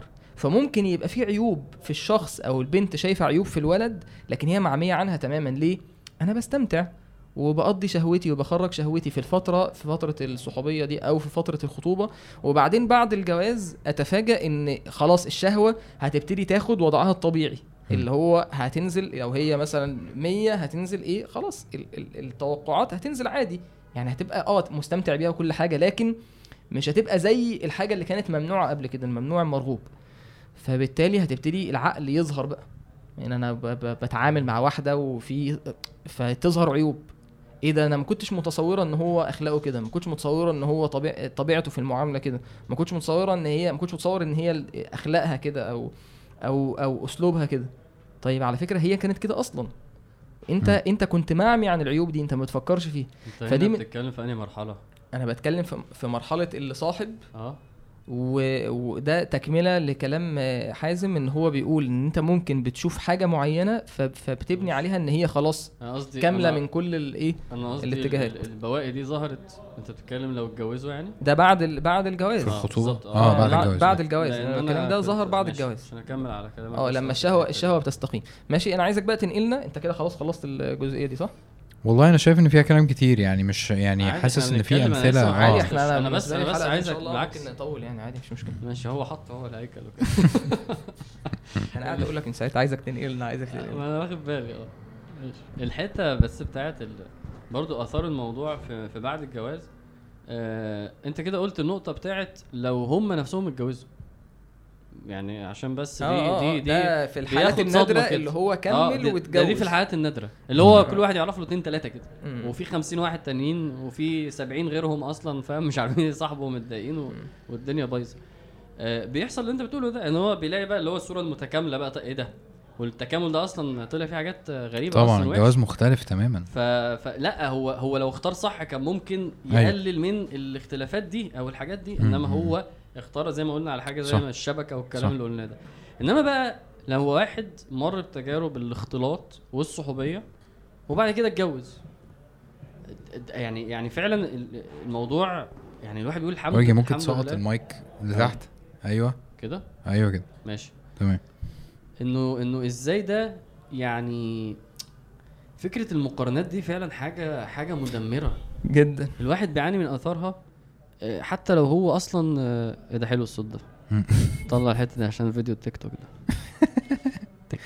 أيوه. ال ال آه، يعني فكرة إنه ده ده ده, ده اللي أنا كنت عايز أكمله في لما أنت قلت أنت كده بتستهلك ال ال الطاقة اللي عندك. في كمان فكرة إن أنت كده انت هريت عارف الفوطة المهرية؟ عارف الفوطة اللي هي بتبقى لازم نغير الفوطة عشان اتبلت؟ عارف الفوطة. دي؟ اللي كل 20 واحد تستخدمها وأنت جاي تمسح وتلاقيها كأنها مش فوطة. ده اللي بيحصل لنفسية الواحد و و و ومشاعره وقلبه لأن هو اتعرض طبعا. ل... ل... لبنات كتير. وصاحب دي وصاحب دي وصاحب دي وجاي بعد كده يتجوز مثلا فلانة. وفعلا هي انفستد من مشاعره يعني هو فعلا طلع يعني هو فعلا كان صادق في الحوار. وبعدين بدأ بص الشيطان لي كده ليه يا ابني؟ عايز إيه يا ابني؟ مش عارف بينكشك والله. أنا راجل عاطفي في آه إيه؟ أنا مش فاهمه برضه هو في إيه؟ بس فكرة إن هو آه أنت وشك أحمر كده ليه يا شريف؟ إيه ده عايز أقول لك حاجة بس يعني مش دلوقتي. اكتبها اكتبها. شفت شفت بقى؟ شفت أنت بت- بت- بتقوم الناس علينا إزاي؟ طيب نرجع لموضوعنا. دي من شريف دي الحتة اللي شريف يبص لي فيها ويقول لي عامر لو سمحت. عارف؟ كمل. انت أنت عارف الحتة بتاعت الخطوبة دي برضو مهمة قوي يا ابني أنا بتكلم يا أنا آسف معلش. لا لا آسف. اتفضل. لا عادي والله. لا لا لا كمل كمل. سيبه مرة من نفسه يقطعك لا لا لا الناس كمل اللي عارف لو الناس بتلاحظ؟ لا، هسيبه والله. أنا مش بحب أقطع والله كمل والله. ماشي. أنا بتكلم في نقطة المقارنات. والتعلق. يعني إيه؟ يعني هو ممكن يكون يعني بص المثال الإكستريم. التزم وبطل يختلط. وبعد الالتزام برضو في كام واحدة من صحاب بنات هو لسه فاكرهم هو لسه بيفكر فيهم هو لسه متعلق بيهم هو لسه بيقارنهم ب... سواء صاحبهم أو صاحبهمش عشان بس نتكلم في اللي اختلط واللي صاحب. بعد الجواز. بنت لذينة طبعا. طبعا. و... بس دي كانت أحلى شوية في ده مثلا. بس دي كانت بتضحك شوية في ده, ده اللي بيحصل. واللي بينكر ده يا رب يفوق والله من من من الغيبوبة دي. لأن صح. ده اللي بيحصل. أنت عرضت صح. نفسك لحاجة دلوقتي هتدفع ثمنها اجتماعيا آثار الاجتماعية. إنه بس التعلق والمقارنات تخيل بقى واحد مكمل في الاختلاط وهو متجوز وكل يوم يتعرف على واحدة جديدة دي في الشغل مثلا ودي في الأهل ودي كذا وكل يوم يشوف واحدة في حاجة مختلفة. ويقعد. يقارن. ويتعلق وبرضه وبرضه عشان نقول اللي كمان يعني الحمد لله الفكرة دي إن ربنا إيه ألهمنا يعني لو بره هيخون مم. لو الباب مفتوح له برضه هيزني لو كمل في الاختلاط ده الطبيعي يعني ده بره يعني هم وصلوا لمرحلة إن هو أنا إن البنت أو الست أو الراجل يعني لو هي خانته خلاص بيبدأوا إن هم إيه معلش هسامحها وخلاص وتعدي يعني هم بقوا عادي بقى يفوت أو هو الخيانة كده لو حصلت. أو هو كده ليه مرة بقى يفوت؟ الخ... مثلا بس هم بقوا من كتر ما الموضوع مفتوح بقى أصلا ليفل إنه لو واحد خان يبدأ إن هم خلاص تسامحوا وتديله فرص تانية ده عادي أصلا. مم. إحنا هنا لو واحد خان دلوقتي بيقطعوا بتموت بتموت جوزها وبتقطعه والحاجات اللي بنسمعها دي. وتقطعوا يعني إحنا عندنا في, في الخيانة أصلا شرعا ده يعني من من أكبر الكبائر. ماشي أنا بس بأكد على نقطة انه إنه الاختلاط كان المفروض برضو يؤدي لزنا بعد الجواز. بس يمكن انت هنا مش مش الدنيا مش هينفع. انت خلاص سستمت نفسك ومش. هينفع. وده وده بصراحة؟ ده موجود. ده. موجود في الواقع برضه يعني. وده ما في. ما هو زي ما في زنا في الصحوبية في خيانة أصلا. يعني يعني, يعني الجواز مش بينجيك من لا. طبعا. تعال نطلع بره لما بيعيشوا حياة المتجوزين بيخون. في هنا خيانة أصلا. وأنا بقول إنك مش هتعرف. آه، الواقع أصلا في خيانة. صح زي ما في زنا في الصحوبية. بس اللي إيه، هيدعي معلش إنه أنت مفيش آه، كم كم رسالة بتيجي إن واحدة واحدة هي اولا مشكلتين مثلا عند البنت. هي آه. كانت بتحب واحد ومتعلقة بيه مثلا طول فترة الجامعة تخيل واحدة بنت مصاحبة ولد خمس سنين مثلا ونازلين رايحين جايين مع بعض عارف عنها آه. كل حاجة عارف كل التفاصيل عنها بتحب إيه وبتكره إيه وبتتضايق من إيه فجأة مثلا الشاب ده اتقدم أو هو مثلا سابها أو ايا كان السبب يعني اتقدم واترفض أو سابها. وهي تقدم لها واحد تاني جاهز مثلا فوافقت عليه على فكرة ده بيحصل ده ده مش ده بيحصل ده هو ده يعني. ده, ده عارفين.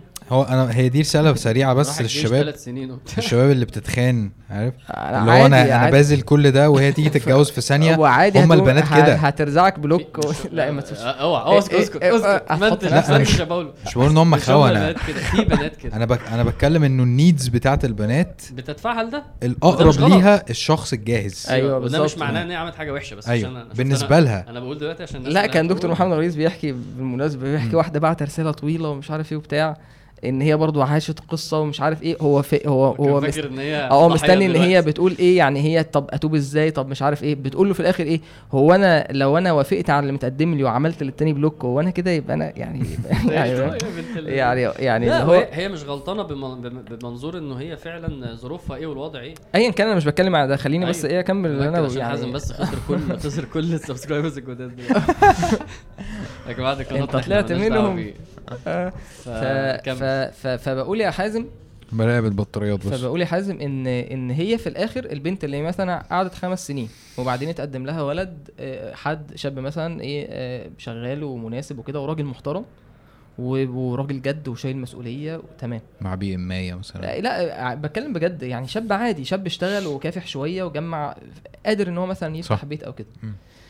اولا مثلا ممكن هي بتوافق سواء برضاها أو إن هي مثلا أهلها ضغطوا عليها وهي ما عندهاش مبرر للرفض فب... فبالتالي هتوافق نعم. فاتخطبت هي اولا هي مع التاني هي هي أصلا قلبها وعقلها آه. وفكرها هي بتلاقي واحد هو لسه عارفها فما يعرفش إيه ده ما يعرفش أنا بحب إيه وما يعرفش أنا بتضايق من إيه وما يعرفش التاني كان فاهمني أكتر التاني حاسس بيها أكتر انت متخيل يعني متخيل مم. لدرجة إن في في في بنات ممكن تحكي إن هي اتعودت إن صاحبها بيلمسها وبيقرب منها إن هي تبقى مع جوزها مع. جوزها وبت... وبتفكر في صاحبها. طبعا سبحان ف... فده فده يعني انت متخيل هي وصلت لحد فين؟ لا وأنا و... مرة جالي حاجة كانت كانت سيئة لا جدا. ومقارنات بقى يعني ال... ال... الحتة اللي عامل بيتكلم فيها الاختلاط اللي بعد ال... بعد الجواز بنت مثلا رسائل كتير بتيجي بنفس الوضع ده هي بتحتك بولد مثلا معاها في الشغل فبتشوف منه آه، بيهزروا مع بعض ومش عارف إيه بيقعدوا مع بعض بيشتغلوا. فبتشوف منه اهتمام جوزها مش مهتم بيها فبالتالي آه، قصص يعني قصص آه، غريبة يعني أنا مش عايز أحكي حاجات زي كده لكن في قصص بتيجي بتعرفك إن ده موجود في الواقع. وبقوة طبعا طبعا ف... فلا أنا فاكر لو قالوا قصة مأساوية شوية عشان أنت مرة قلت قصة بصراحة مأساوية إنه إنه واحدة مش عارفة تبر أبوها عشان بالغلط شافت على موبايله آه، إن هو بيبعت آه، صور لواحدة تانية غير أمها يعني. طب مم. فإيه اللي بيحصل؟ اللي بيحصل إنه اللي هيفضل يطلق بصره واللي هيفضل يختلط بعد الجواز هيعاني من آثار ده؟ هيعاني من آثار المقارنات والتعلق؟ أو هيعاني من آثار الخيانة.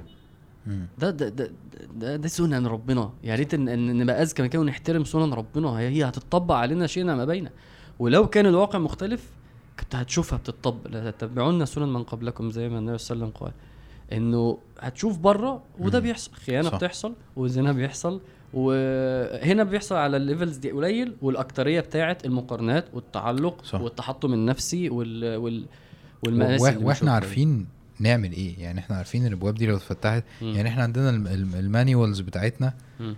بتيجي من الأفلام يا مثلا؟ باشا آه الأفلام. أنت أنت واخد ال... يعني أنت عارف من بداية العلاقة لحد أنت بتعمل إيه؟ ماشي إيه؟ درجة درجة يعني. أيوه. التعرض للأفلام آه، مأساوي جدا. الأفلام ال- رومانسية. ال- آه الرومانسية والأجنبية عامة. مش بس في فكرة إن أنت بتشوف واحدة وبتحس إن أنت عايز تتجوزها ومش عارف إيه. فكرة آه يعني المفهوم بتاعك عن الجواز وعن العلاقات لو جه من المصدر ده هو أصلا مش واقعي. فيلم. هو مش موجود في حياتنا. صح. فأنت هتحس إن أنت محتاج ال- عشان كده لما بنيجي نقول مثلا الجواز آه، أنت بتقول الجواز الشرعي أو إن أنت تتقدم بطريقة صح. أما بتقول كده لحد دلوقتي بيضحك عليك. صح, صح. اللي هو إيه التخلف ده؟ يعني, يعني, أنا مش هروح هي- مش هيعمل proposal كده وهيقعد ويعمل بالظبط. يحط إيه إيه ده إيه ال- إيه ال- ال- ال- بالظبط. وهو هو ما هو أنت هو أنت ما شفتش غير كده هم أصلا متصاحبين بقالهم أربع سنين بيحوروا على بعض لا هو آه، آه، كان في حلقة أيوة جميلة بالظبط. كان في حلقة معلش يعني اتفاجئت في حلقة جميلة إيه؟ للدكتور. الدكتور إياد اسمها اسمها ال- اسمها البو- ال box الرومانسي أو حاجة زي كده بيتكلم عن حاجة زي كده ما أعرفش اغير اسمها أو أو. إيه يعني في. السلسلة بتاعة المرأة يعني أنصح ال- الناس يتفرجوا عليها جميلة جدا بيتكلم عن فكرة الايه ال- اللقطة الأخيرة اللي بيجيبها لك في أفلام هوليوود اللي ال- ال- اللي هو البروبوزال. وان ده بيخليك عندك تصور عن ال- الرومانسية وعن ال- العلاقة أصلا ممكن يكون وهمي مش صح. وإن ال- العلاقات مبنية عندنا على على على أساس تاني في. الإسلام. لا وفي يعني الحياة وفي الحياة. يعني عموما ممكن واحد يعيش مع واحدة متجوزها مراته وهو بيكرهها.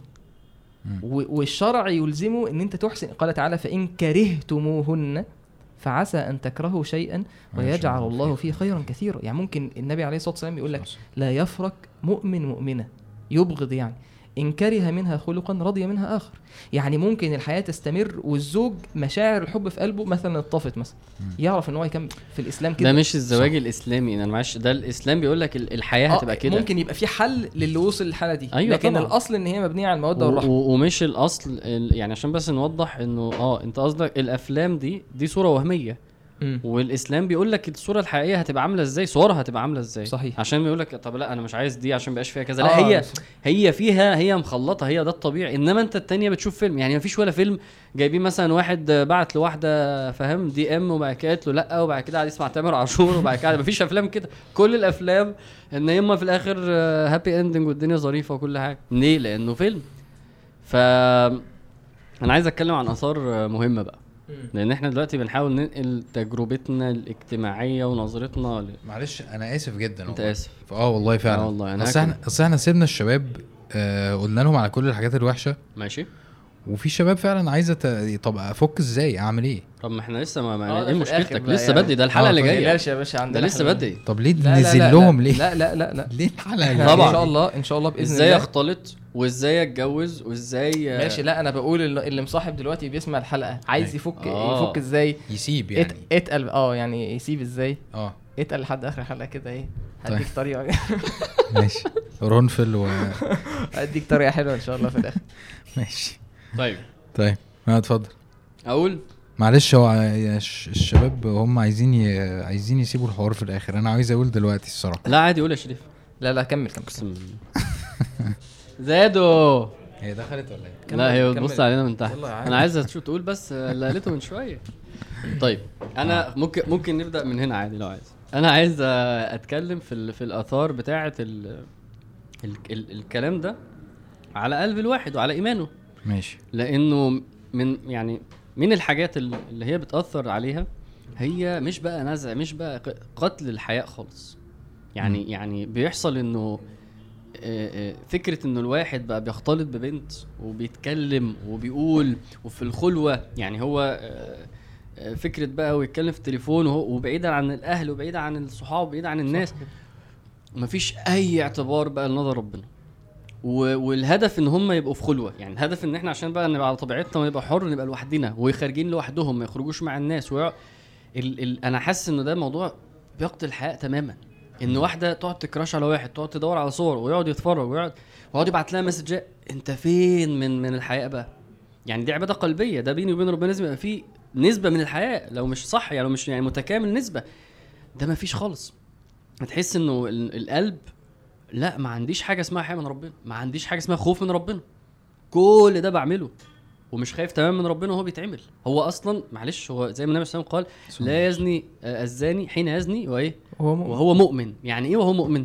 مم. يعني فكرة إنه ربنا وهو فاكر رب إيمانه بربنا ده بيترفع. ومعرفته برب بي بي بيتعمي عنه. سبحان فمش. معقول هيزني وهو مؤمن. لو هو مؤمن مش عارف يزني. مم. هو ده اللي حصل للرجل اللي قام. آه ليه؟ لأنه لأنه الإيمان كان عنده الإيمان كان صاحي فما عرفش يزني. اللي بيختلط كده وبيصاحب كده وبي- وبينفست وقته ومشاعر في العلاقات دي كده بيقتل الإيمان بي بيقتل إيمانه تماما بيقتل الحياء الله. بيقتل الخوف صح. بيقتل ال الش ال ال ال ال الحب بيقتل كل مشاعره تجاه ربنا لأن هي مش معقولة تبقى موجودة وهو بيعمل كده أنا مش متخيل إن حد بيسمعنا دلوقتي عنده استعداد يستغنى عن ده آه طبعا برافو عليك. ده ده آه، ده, ده ده أحلى بكتير. صح. ده أحلى بكتير. يعني فكرة بيقتل الحب دي إن إن مسألة إن القلب بيبقى فيه مزاحمة. صح. يعني ممكن ولد يحب بنت أو بنت تحب ولد لدرجة إن إن هو بقى بالنسبة لها آه، في في في في القلب عامل زحمة. أيوه. يعني عامل زحمة مع, مع أوامر ربنا ممكن طبعاً، الولد طبعاً. يطلب منها طلب مخالف لأمر ربنا ما سبحانه هو ده وتعالى شرك أصغر وتقدم وتقدم طلبه عليه ربنا سبحانه مش وتعالى كده قال- ولا أنا بخرف؟ ربنا سبحانه وتعالى. قال. آه، آه، آه، تالله إن كنا لفي ضلال مبين. إذ نسويكم برب العالمين. يعني فكرة إن أنت يبقى في في قلبك مساحة من ال من ال الحب والرجاء والخوف وبتقدم الحاجة اللي هو بيحبها يعني هي البنت ممكن تبقى صاحية من النوم أو الولد صاحي من النوم هو مش بيفكر إن أنا إيه إيه الحاجة اللي اعملها ربنا يحبني؟ إيه الحاجة اللي اعملها ربنا يرضى عني؟ بقى من أول لما بيصحى من النوم أول حاجة يمسك الموبايل. مش بيقول مثلا إيه الحمد لله الذي أحيانا بعد ما أماتنا وإليه النشور. أول حاجة يمسك الموبايل يبعت لها رسالة أو يكلمها أو هي نفس الكلام. فبقى في مركز في قلبي في حاجة في قلبي واخدة مساحة خطر جدا. صح. ومن- خطر جدا. ومن الناس ما يتخذ من دون ومن الله؟ الناس ما يتخذ من دون الله أندادا يحبونهم كحب الله. والذين آمنوا أشد حبا لله. أنداد يعني ند. ند في بقى, بقى هو مش مش معناها إن هي بتعبده. يعني هي مش بتصرف ليه العبودية. هو في ناس بتقول كده في يعني الأغاني ال- بتاعت زمان صح؟ كان في آه، أغاني كده. إحنا بس نتكلم المعنى الشرعي. هي آه. مش ب... مش هتسجد له مش هتصلي له مش بتعبده مش هو ده الإله الإله. لكن بقى عامل زحمة في القلب. بقى, بقى في شرك في القلب في مساحة في القلب. أنا كان كان كان دكتور محمد برضو بيحكي في درس لقى واحد آه، شيخ يعني بيحكي إن هو إيه خد فكة باقي مش عارف ب 10 جنيه ولا 100 جنيه حاجة كده يعني فالواد كاتب إيه عليها لولا إن ال- السجود لغير الله كفر لكنت سجدت لك أو حاجة زي كده يعني حاجة كده يعني جملة كده. مش فاكرها بالظبط يعني. وهي في الآخر صرفت الفلوس. عادي. يعني هو الراجل كان هيكفر عشانها وبعدين إيه يعني أو, أيوة. ك- أو تكلم بكلام الكفر عشانها. ده الذل اللي أنا كان قصدي عليه لما آه. قلت أيوه توصل لمرحلة الذل ال- اللي هو ال- ال- ال- العشق لما يتمكن من قلبه ما. يبقاش عارف يتحكم فيه هو اللي. متحكم م. فدي نقطة مهمة اللي أنت بتتكلم فيها من الآثار الخطيرة. أنا بشوف كده هو يا ده يا ده. لأنه ال- الليفل بتاع ال- اللي هو بي اللي بيتعمل آه، يعني صعب قوي يبقى في إيمان معاه. عشان كده قليل جدا جدا اللي يلتزم وهو مصاحب. يعني أنا أعرف واحد. هو فضل مصاحب فترة وبعد كده بعد كده يا ده يا ده. هو اتأخر عننا سنة ولا حاجة عشان دي. بس بس دي بتبقى دي ال breaker في الالتزام. الصحوبية بالذات. وأنا عايز أقول إن إن إن لازم مشاعر الحب دي يعني حتى وأنت متجوز آه. يعني لازم بتنض- بتنضبط تحت تحت العبودية.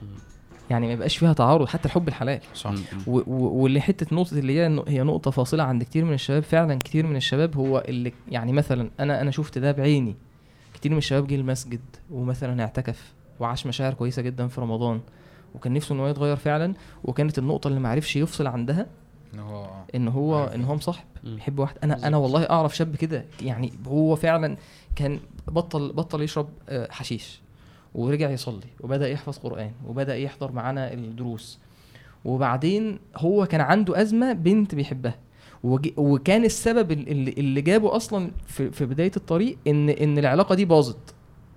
يعني هو كان جاي هو كان بيدعي كتير ونفسه أيوة. ان هو يكمل والعلاقة باظت تماما فكان جاي مكسور وعايز إيه يقرب من ربنا من الحتة دي. مم. الحتة دي لما رجعت تاني لما لما العلاقة بتاعته رجعت تاني ساب ساب كل حاجة. هو هو هو هو هو م- مش مش مش فكرة بس إن هو خد اللي هو عايزه. إن إن أنت اتحطيت في اختبار. يعني ربنا سبحانه وتعالى فتح لك الباب وعرفك طريق المسجد وف... حاجات كتير حلوة حصلت لك ومشاعر جميلة. بعدين لما اتحطيت في امتحان اختبار ان إن عادي ها هتروح ولا مش هتروح؟ وأحيانا ده بتحصل مع كتير من الشباب هو نفسه يبقى ملتزم ومتدين ومش عارف إيه وأول لما ياخد ال ال ال ال الخطوه في الطريق يلاقي في حاجة كده على فكرة فلانة لو أنت كلمتها دلوقتي برساله جاية له من واحدة صاحبتها مثلا فلانة اللي أنت كنت عايز تكلمها لو بعت لها دلوقتي على فكرة يعني إيه ممكن توافق. دلوقتي؟ يعني حبكت دلوقتي؟ لما أنا. استشيخت يعني. بقول لك إيه أنت قلت إن في شباب مش مصاحبة آه، بتاع ده آسف ما ينفعش تبقى آه، مصاحب وأنت مل- متدين تمام؟ فأنت قصدك. إيه؟ يعني إيه بالظبط؟ أصل أنا متخيل إن في ناس يعني مفيش حد هيلتزم وهو بيزني.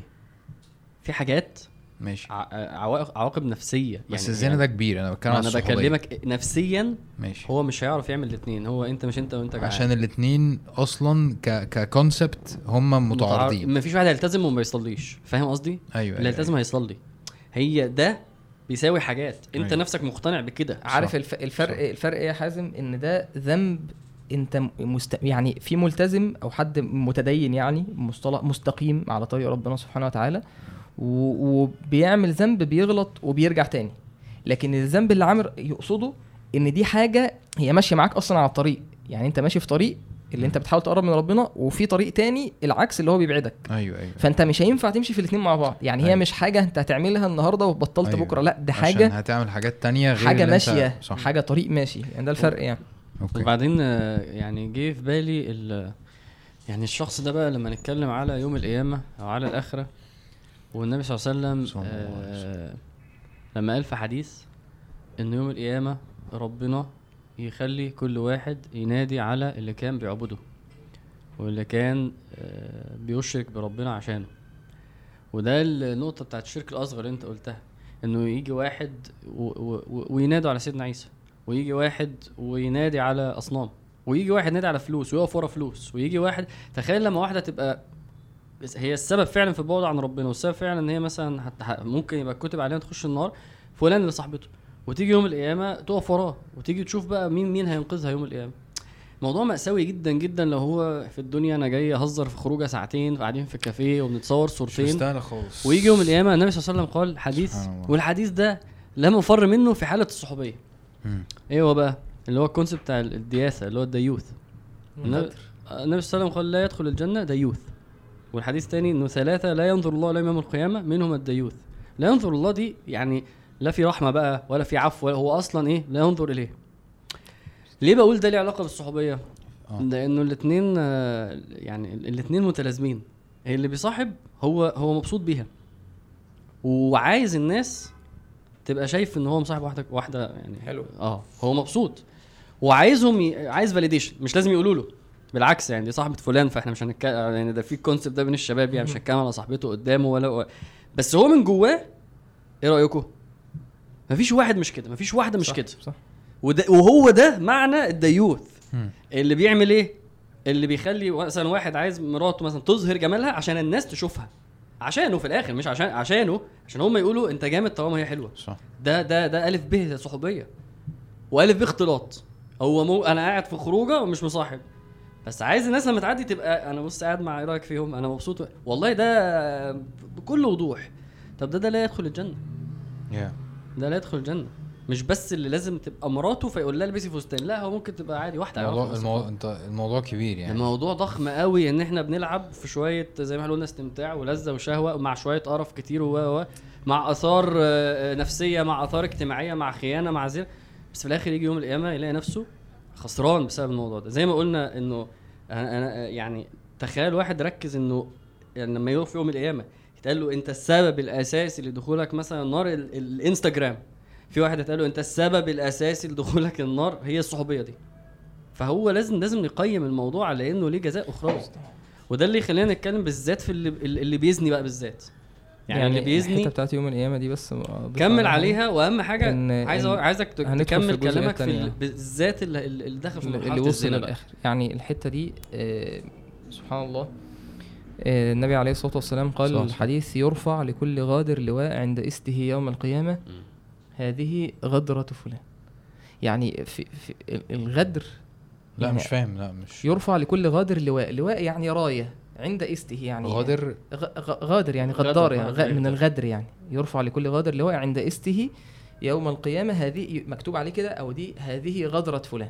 يعني ماشي. لواء كده معروف إن الإنسان ده غدار غدر. ماشي. هذه غدرة فلان غدر بفلان أو عمل عمل غدر.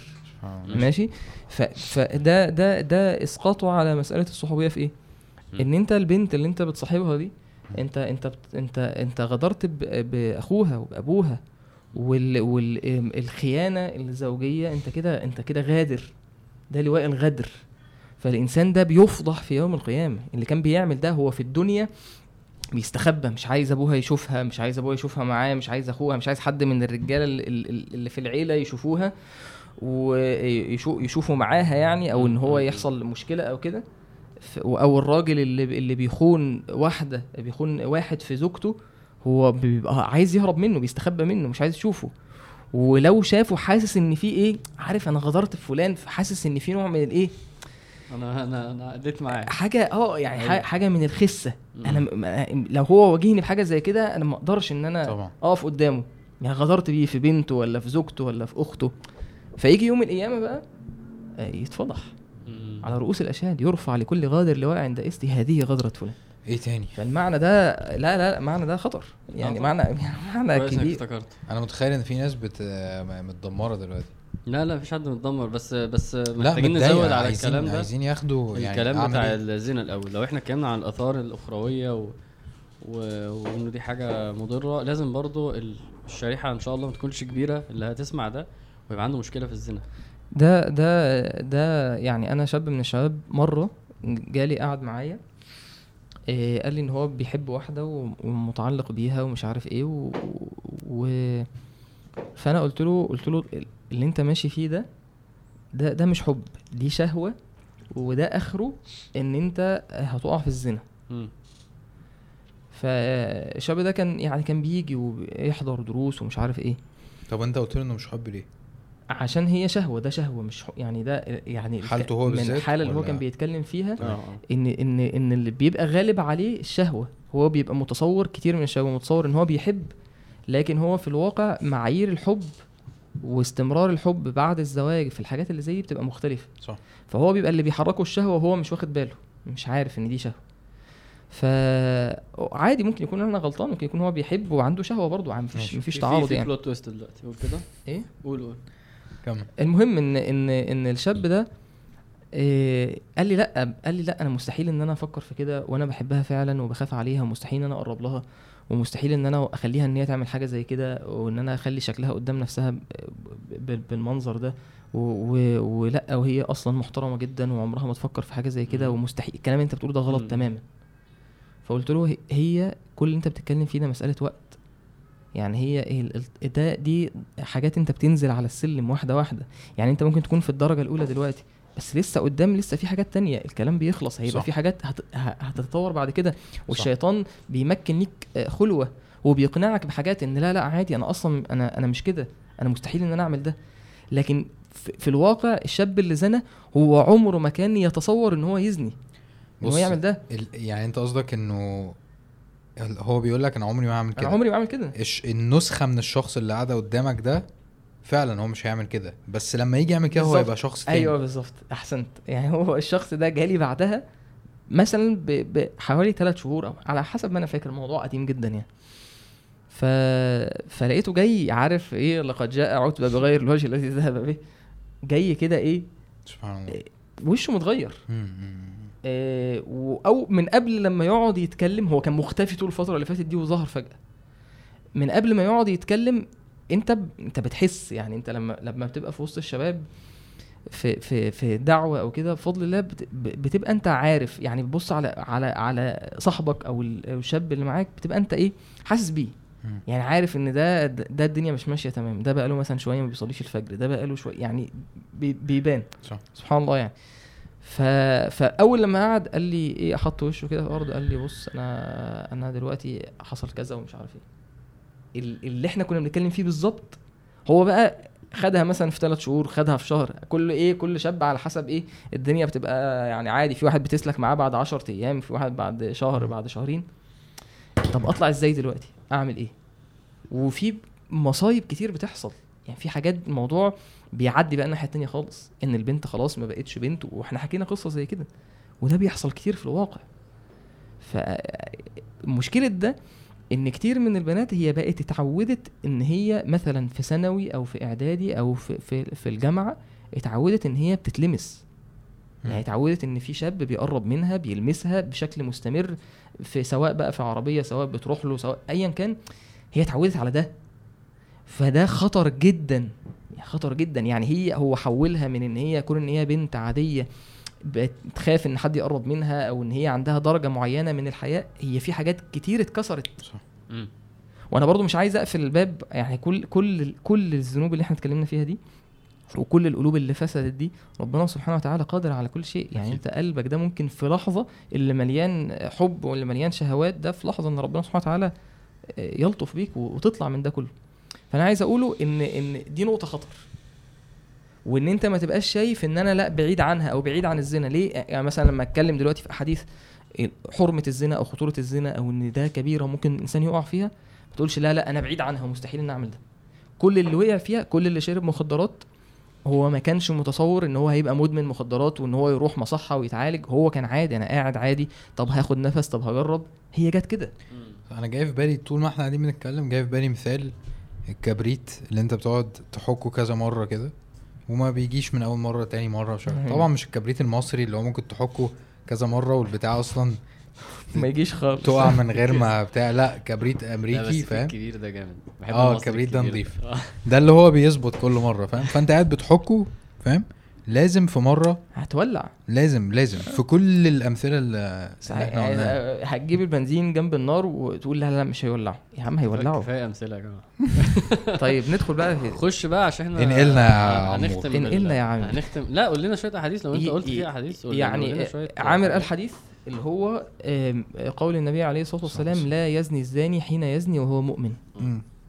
ده معناه ان إن مقتضى الإيمان إن أنت تبقى عندك يقين إن ربنا شايفك ومطلع عليك إن ربنا يراك إن ربنا يسمعك إن ربنا رقيب عليك.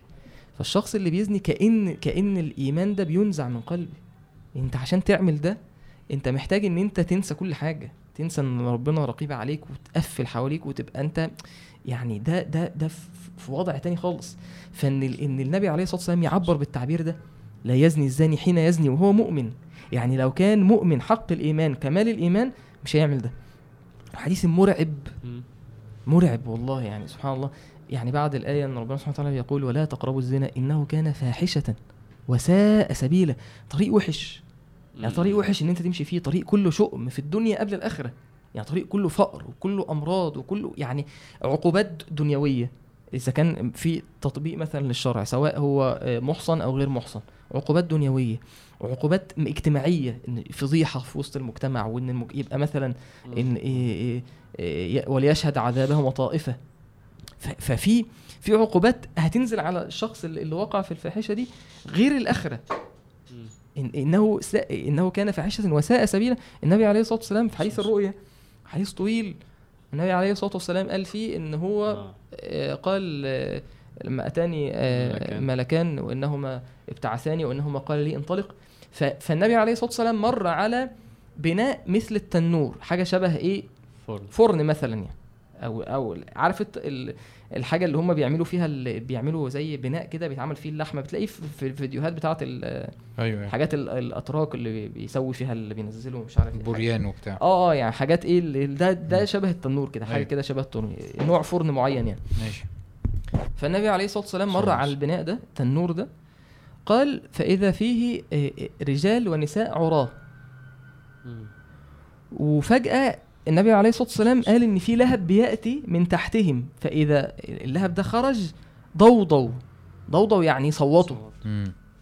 يعني بي هم في هم عراة في في حاجة شبه الفرن وبعدين في لهب بيطلع مرة واحدة إيه يعني بيحرق ال- ال- المواضع ال- ال- ال- ال- الفرج يعني. وفي اللهب يأتي من تحتهم يعني من أماكن الاستمتاع ضوضوا يعني يصرخوا ويصوتوا. فالنبي عليه الصلاة والسلام فزع من المشهد ده. فبعدها في آخر الحديث لما النبي عليه الصلاة والسلام آه، بيسأل هؤلاء؟ الملائكة عن عن إيه إيه دول؟ قالوا أما الرجال والنساء العراة في في أمثال آه، في في في مثل بناء التنور فإنهم الزنا والزواني. يعذب بالصورة دي والعياذ بالله إن هو أصلا أصلا كفايه كفاية اللفظ إن أنت حديث حد البخاري يعني. كده. الحديث اللي عايز أقوله لك عشان بس كنت لسه بحضره في السيرة. أنا عندي حديث برضه. الحديث بيقول آه بس ده في المعراج يعني. خلاص في الإسراء والمعراج يعني. فبيقول رأيت رجالا بين أيديهم آه لحم ثمين طيب. سبحان. وإلى جنبه لحم غث منتن. ممتاز فيعملوا إيه؟ يأكلون من الغث المنتن ويتركون السمين الطيب. قلت من هؤلاء جبريل؟ قال الذين تركوا يتركون ما أحل الله له من النساء ويذهبون إلى ما حرم الله عليهم منه فتكملة يعني العذاب يعني قول الحديث اللي عندك عشان نختم بيه بقى الحديث ده صعب يعني أنت كنت النهارده بتقول حديث أبي هريرة لما أغمى عليه وكده. فالحديث ده أنا أنا يعني بيبقى صعب عليا قوي وأنا بقوله عشان الواحد ما بيبقاش عارف هو واقع فيه ولا لأ. آه إن النبي صلى الله عليه وسلم بيقول إنه يأتي. إن في ناس بتأتي يوم القيامة ب بحسنات. حسنة أمثال الجبل تهم بيضاء آه. آه آه قولوا عشان أنت حسنات أمثال جبال تهامة بيضاء. بيضاء. فجعلها الله بها منثورا أيوه. عشان إيه؟ كانوا لما بيقعدوا لوحدهم كانوا إذا خلوا خلوا. بمحارم الله انتهكوها. انتهكوها. تمام؟ فأظن في تفاسير كتير للموضوع ده وده دي الحاجة المرعبة إن كل واحد بي إيه؟ بيشوف المشكلة أنا بقى مرة عشان أقول. لك تعليق على الحديث ده لأني قعدت مرة أدور على انتهكوها. لأن في حديث في الأربعون النووية صح؟ اللي هو إيه؟ أنت قعدت تقول بقى الأربعون؟ مش إن الله فرض فرائض فلا تعتدوها آه. آه، حرم أشياء حرم أشياء فلا فلا تنتهكوها. فأنا لفظ الانتهاك. ده فرق معايا. قعدت آه. أبحث فيه. عارف اللي بيمسك اللحمة ويقعد يهبش فيها؟ ي- الانتهاك مش معناها اللي هي اللي هي بمعناها التاني في آية برضه في القرآن اللي هي اجترحوا السيئات. مم. دي غير ومن يقترف اللي هي اللي كده دي. يعني اج- الاجتراح أو الانتهاك ده واحد فاهم؟ ماسك الذنب وعمال ينتهك فيه وعمال ينتهك فيه. فده لما يحصل بقى على نطاق اللي إحنا قلناه بقى يعني ده ده ده اللي يقول الحديث ده بيقاس عليه ولا. لما هو يشوف أنا أنا بعمل إيه مع الذنوب دي؟ يعني أنا هعدي كده ولا أنا مغوط فيها وفاهم وملوث نفسي في كل حتة. ده ده مشكلة ال- الانتهاك فعلا. خلوا بمحارم الله سواء بقى بورن سواء مع بتشات مع واحدة بتكلم واحدة قاعد مع واحدة. كل ال يعني مصايب كتير الصراحة أنا عايز بس إيه لو حل بقى إحنا إحنا آه. بقالنا أنا ما بحبش نطول إحنا طب خلاص الحل كتير. حل الحل الحل طيب دلوقتي فنكمل الشباب إن شاء الله الشباب اللي, اللي معاهم ال- اللي قصدي في علاقة ومثلا متخيلين اللي هو قشطة أنا صغير واما أكبر الحل أو أو أقرب من الجواز مثلا هبقى أفك العلاقة دي وبتاع. هل أنت ضامن إن ده يحصل؟ هل أنت ضامن إن أنت ما تتأثرش؟ الجانب التاني آه هي فكرة إنه آه أنت مش بتضر نفسك بس أنت معاك حد تاني بت بتدمره برضه. آه الحاجة اللي أنا بحب أفكر الناس بيها دايما هي فكرة إنه إيه طيب ماشي. هنفترض إن أنت يا عم عديت كل اللي إحنا بنقوله ده وسالك و... و... وجامد ومش عارف إيه وده مستحيل طبعا. آه وانت معاك واحدة فعلا هي كويسة جدا وانت بتحبها وبتاع. آه أنا بحب أفكر الشباب دايما انه لو البنت دي مش ليك لو ربنا مش كاتبها ليك فمهما فضلت ساجنها يا عم في سجن وقافل عليها وخلاص دي ليا مش تتجوزها لحد بالظبط كده مش هتتجوزها. ولو هي ليك وانت بعد الحلقة دي سبتها دلوقتي حالا؟ هتبقى ليك برضه. هتتجوزها حتى لو بعد عشر سنين. صح. وبعدين عايز أقول حاجة آه ربنا يقول أم نسع أم نجعل ال- المسلمين كالمجرمين ما لكم كيف تحكمون. وفي آية أما هي نفس الآية اللي قلناها أم حسب الذين يعملون آه، اجت- اجترحوا السيئات أم حسب الذين اجترحوا السيئات أن نجعلهم كالذين الذين آمنوا آمنوا وعملوا الصالحات سواء محياهم في الدنيا يعني. ومماتهم ساء ما يحكم. سما يحكمون.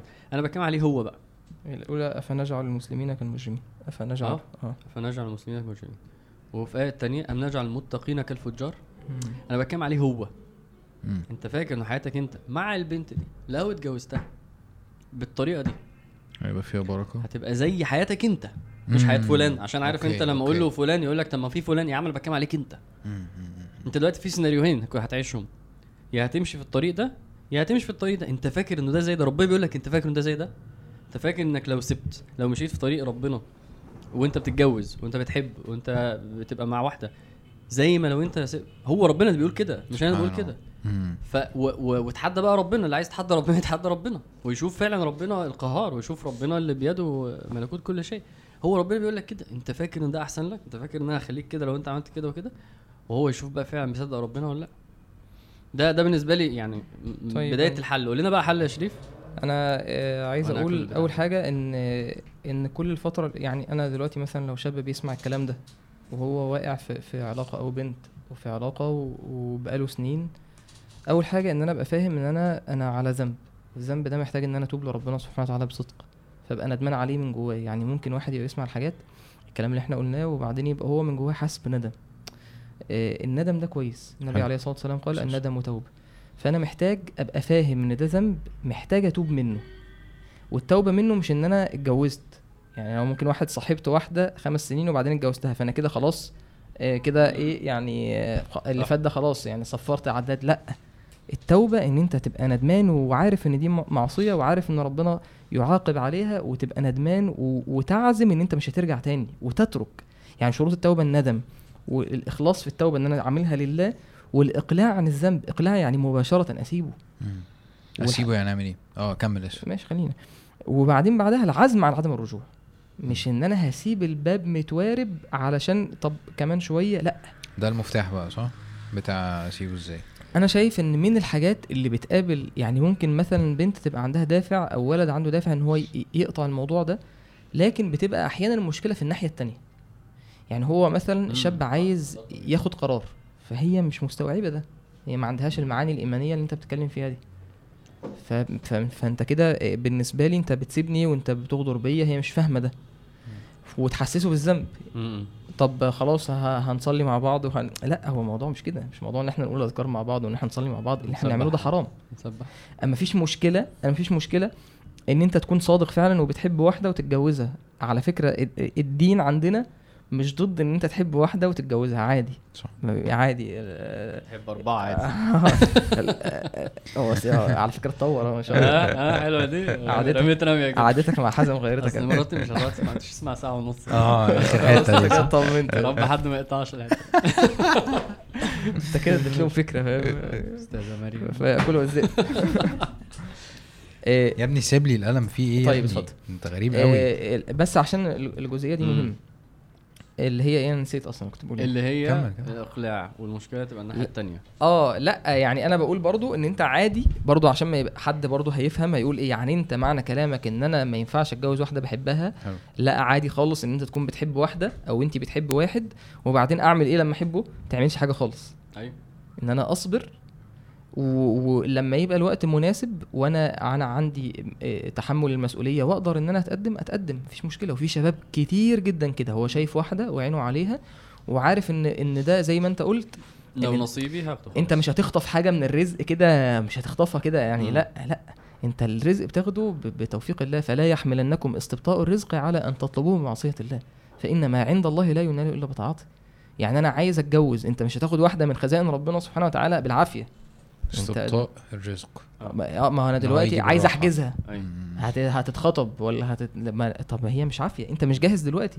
اصبر. لعل إن أنت في حاجة أحسن قدام. لعل إن ربنا يدخر ليك الخير. الحاجة التانية إن أنت بتترك حاجة لله. أنت ب... إن... إن أنا أنا سايب دي لله. أعطى لله وترك لله. استكمل عرى الإيمان. إن أنا مش إن أنا بس إن أنا أدي وإن أنا أعمل. في حاجات يا جماعة في عبادات تركية. مم. إن أنا أنا مش هاخد ده مش هاخد مال حرام. عوضه الله إن خيرا أنا- منه. أنا لما بسيب حاجة لله يعني حاجة أنا شهوتي فيها ومشاعري فيها أيوة. وحياتي كلها فيها وحياتي هتتغير تماما يعني قول الحديث طيب. من آه، ترك شيئا لله يعني. هو آه، ده, ده, آه. ده مش مش هو ده حديث؟ آه. آه. آه النبي عليه الصلاة والسلام في بعض الروايات أظن يعني. آه. من ترك شيئا لا عوض الله خيرا منه. وده هو إن كان إن. وإن كان وإن كان الحديث الح- لا يثبت عن النبي عليه الصلاة والسلام لكن المعنى ده ثابت. أيوه أيوه يعني أنت بتترك شيء لله يعني ثابت بالاستقراء. آه يعني أنت بتترك شيء لله. ربنا كريم سبحانه. وتعالى. طبعا طبعا. ربنا كريم. أنت هتسيب حاجة حياتك فيها وقلبك فيها ربنا هيكافئك. خلينا بس أكمل آخر نقطة؟ بس لا عايز اكد عشان بس هو برضو يراجع نفسه. لو فاكر ان انت مش عايز تسيبها عشان لا انت لو هتتجوزها هتتجوزها عادي لو فاكر ان انت آه، لو سبتها الدنيا هتبقى وحش لا هي هتبقى أحلى. فارجع راجع نفسك انت مش عايز مش عايز تسيبها ليه؟ صح. بس. النقطة اللي بعد كده انت ما فهمتش منه حاجة؟ لا بحاول أشوف مش عايز تسيبها ليه قصدك إيه يعني؟ أنا عايزه يقفش نفسه بقى. يقفش نفسه أنا عايز أتلذذ بالشهوة دلوقتي. آه يعني أنت عايز توقفه قدام. أيوة. لا أنا كل الكلام بتاعكم ده أصلا لما مش داخل دماغي. أنا عايز أستمتع دلوقتي بس آه آه أنا عايزه يقول لنفسه بس على فكرة كل كلامك صح بس أنا الصراحة مش عايز ليه؟ عشان أنا عايز حاجة دلوقتي. يعني عايزه هو يقفش نفسه. والله هو ده. قمة الوعي. يبقى أنت بتبقى عارف أنت بتضحي بإيه أيوه خلاص. أبقى عارف. أنا فعلا لو سبتها مش المشكلة عندنا. كمل يا شيكو. الحاجة اللي بعد كده إن كتير من الشباب فعلا فعلا بيبقى بيبقى خد خطوة والبنت بتبعت له رسائل مثلا بتحسسه بالذنب. و... أو العكس آه، إن هو مثلا هي البنت آه، آه،. قررت إن هي تلتزم وبعدين هي إيه، طيب حرام عليكي انت عملتي فيا العكس ده بيحصل.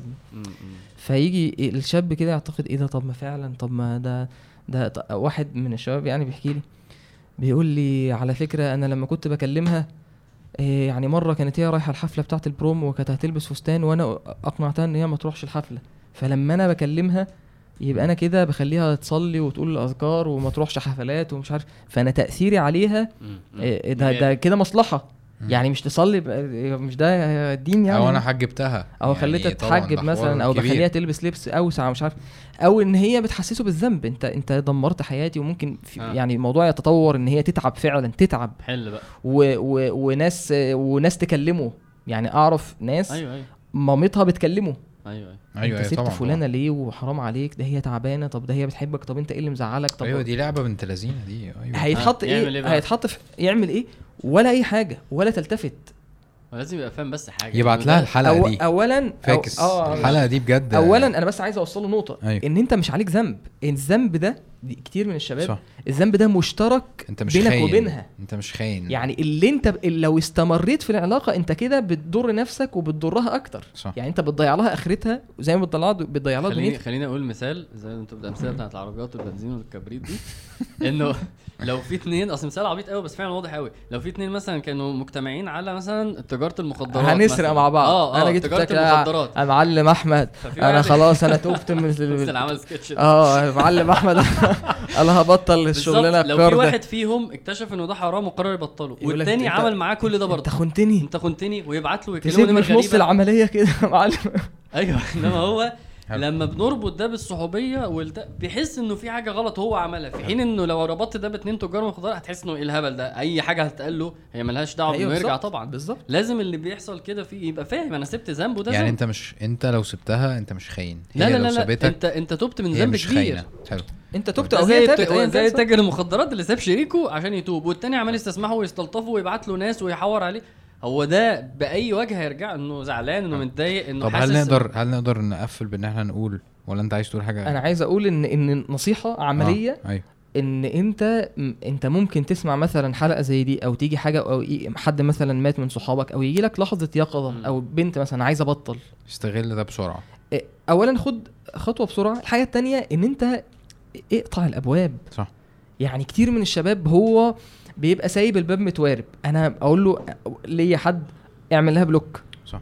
من غير حتى ما تقول في في ناس بتنصح بكده اللي هو آه. من غير حتى ما تقول لها اعمل لها block. لا هي هي نصيحة سطحية. مش لازم أدخل أقول لها على فكرة. خلينا نقول المثال ده. آه وهو اسمه اسمه يعني هو بيسمع الكلام ده لسه حتى بعت لي امبارح قال لي فين ال- الحلقة ما كانتش عارف القناة الجديدة دي. المهم يعني فهو هو كان الشخص ده ودلوقتي الحمد لله. يعني الحمد لله هو هو ساب صاحبته والكلام ده. فهو إحنا ماشيين في مرة أنا فاكر يعني. ف... فأنا بقول له لازم تاخد نفس الكلام بالظبط. يعني مبدئيا كده تقطع وعلى فكرة في حاجة من اتنين. يا إما هما الاثنين عايزين ياخدوا القرار ده فبيقولوا إحنا. هنقطع عشان ربنا آه، و- ولو في خير والكلام ده كله والكلام تمام. وبيعملوا إيه؟ وبيقفلوا. يا إما زي ما أنت قلت واحد مش مناسب خالص فهو خلاص قرر يلتزم وهي مش مش في هنا خالص. فهو لازم برضه يقطع بس المرة دي لازم يقفل هو ويحارب الحاجات اللي هتقعد. تيجي دي مش زي الأولاني. فهو آه، أعمل إيه؟ قلت له يعني إيه اللي أعمل؟ قال لي بتبعت لي وك... انت ما عملتهاش block ليه قلت له ما تعمل block. فوقف كده. قلت له ما أنت عارف أنت المفروض تعمل إيه. مم. هو ده اللي أنا من شوية قلت له قلت أيوة، له كده بس قلت له أنت عايز ولا ال block مش ده- عايز؟ ال block ده قاسي قوي يعني أنا أصل هي ما. عملتش حاجة لدرجة إن أنا قاسي فعلا. اعملها هو قاسي. أعمل فعلا لا هو مش قاسي خالص. بس هو عايز. أنت بتحمي نفسك. طيب يعني ابعتها أبعت لها أقول لها. قلت له كده. لا أنا شايف إن ده أنا شايف إن أنا ده قلت له آه، كلم صاحبك قول له يا ابني قول لها إن هو كذا كذا. وخلاص. ومش عايز وبعد حاجة كده قام عامل اعمل block للنمرة واعمل block للواتساب واعمل كلم block صاحبك إيه؟ مش فاهم. واحد صاحبك ي... بي- يكلمها يقول لها يعني. طب وانت هتودي الواد التاني في داهية ليه؟ يعني كان قصدي هم أصلا صحاب في بعض يعني. فانت لا سيبك من؟ الحل سيبك من أنت فاهم الحل أنت فاهم؟ أنا بس عايز أقول لك إيه هو تربن عند الحلول اللي هي ظاهرة جدا. وقمت داخل معاه في مرحلة يا ابني هو أنت عايز ولا مش عايز؟ لو مش عايز. وأصل هو ضرب مشوار وجالي وعايزك ومش عارف إيه. فانت عامل كل ده عشان تقول لنفسك أنا ب- بعمل أهو. ولا انت عايز تعمل؟ فهو فعلا دخل جوه نفسه فلقى نفسه آه فخلاص عملها بلوك فخلاص. المو- الموضوع من ساعتها الموضوع خلصان. ليه؟ لأن انت اللي في إيدك. ما هو الموضوع ما انت مش مش حد بيكتفك. برضو عايز والله أقول- لا تنزل و... أنا عايز حل حقيقي عايز يعني عشان نخلص ده. حقيقي. أنا آه. بقول إيه؟ أنا أنا بقول. أنت وأنت سخن كده.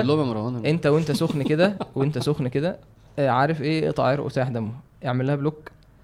اقطع كل الطرق يعني ما يبقاش هي إيه بعد طبعا ما تكون وصلت اقطع علاقاتك عادي يعني. عادي هو أنا جدا. عايز حاجة آه، طبعاً. لا مش لازم مش لازم إن أنا أبعت لها أنت. واحد مع واحدة كده- بقالهم أنت ثلاث كده سنين بتفتح معلش انت يعني ومخ- هو- وه- هو ومسمين عيالهم وحوارات لا، لا، لا. هو قصده اللي إحنا بنقوله أكيد انت لا أنا هو مش قصد انت قصدك انه النهارده دلوقتي حالا فجأة يقفل وهي اختفى؟ تدور عليه وهو فين ومات ولا إيه؟ لا. دارك لا، لا، لا،. لازم يوصل إنه العلاقة تنتهي. لا أنا أقصد إن. أحيانا بيبقى في آه، آه، مساحه راجل عاطفي يا ابني أنت مساحة من كده ليه؟ مساحة من المرقعة. يعني اللي هو إيه؟ أيوه أيوه. اللي هو لا أنا بتكلم بجد فعلا والله. أيوه إن هو إيه. على فكرة أنا قررت إن أنا أبطل.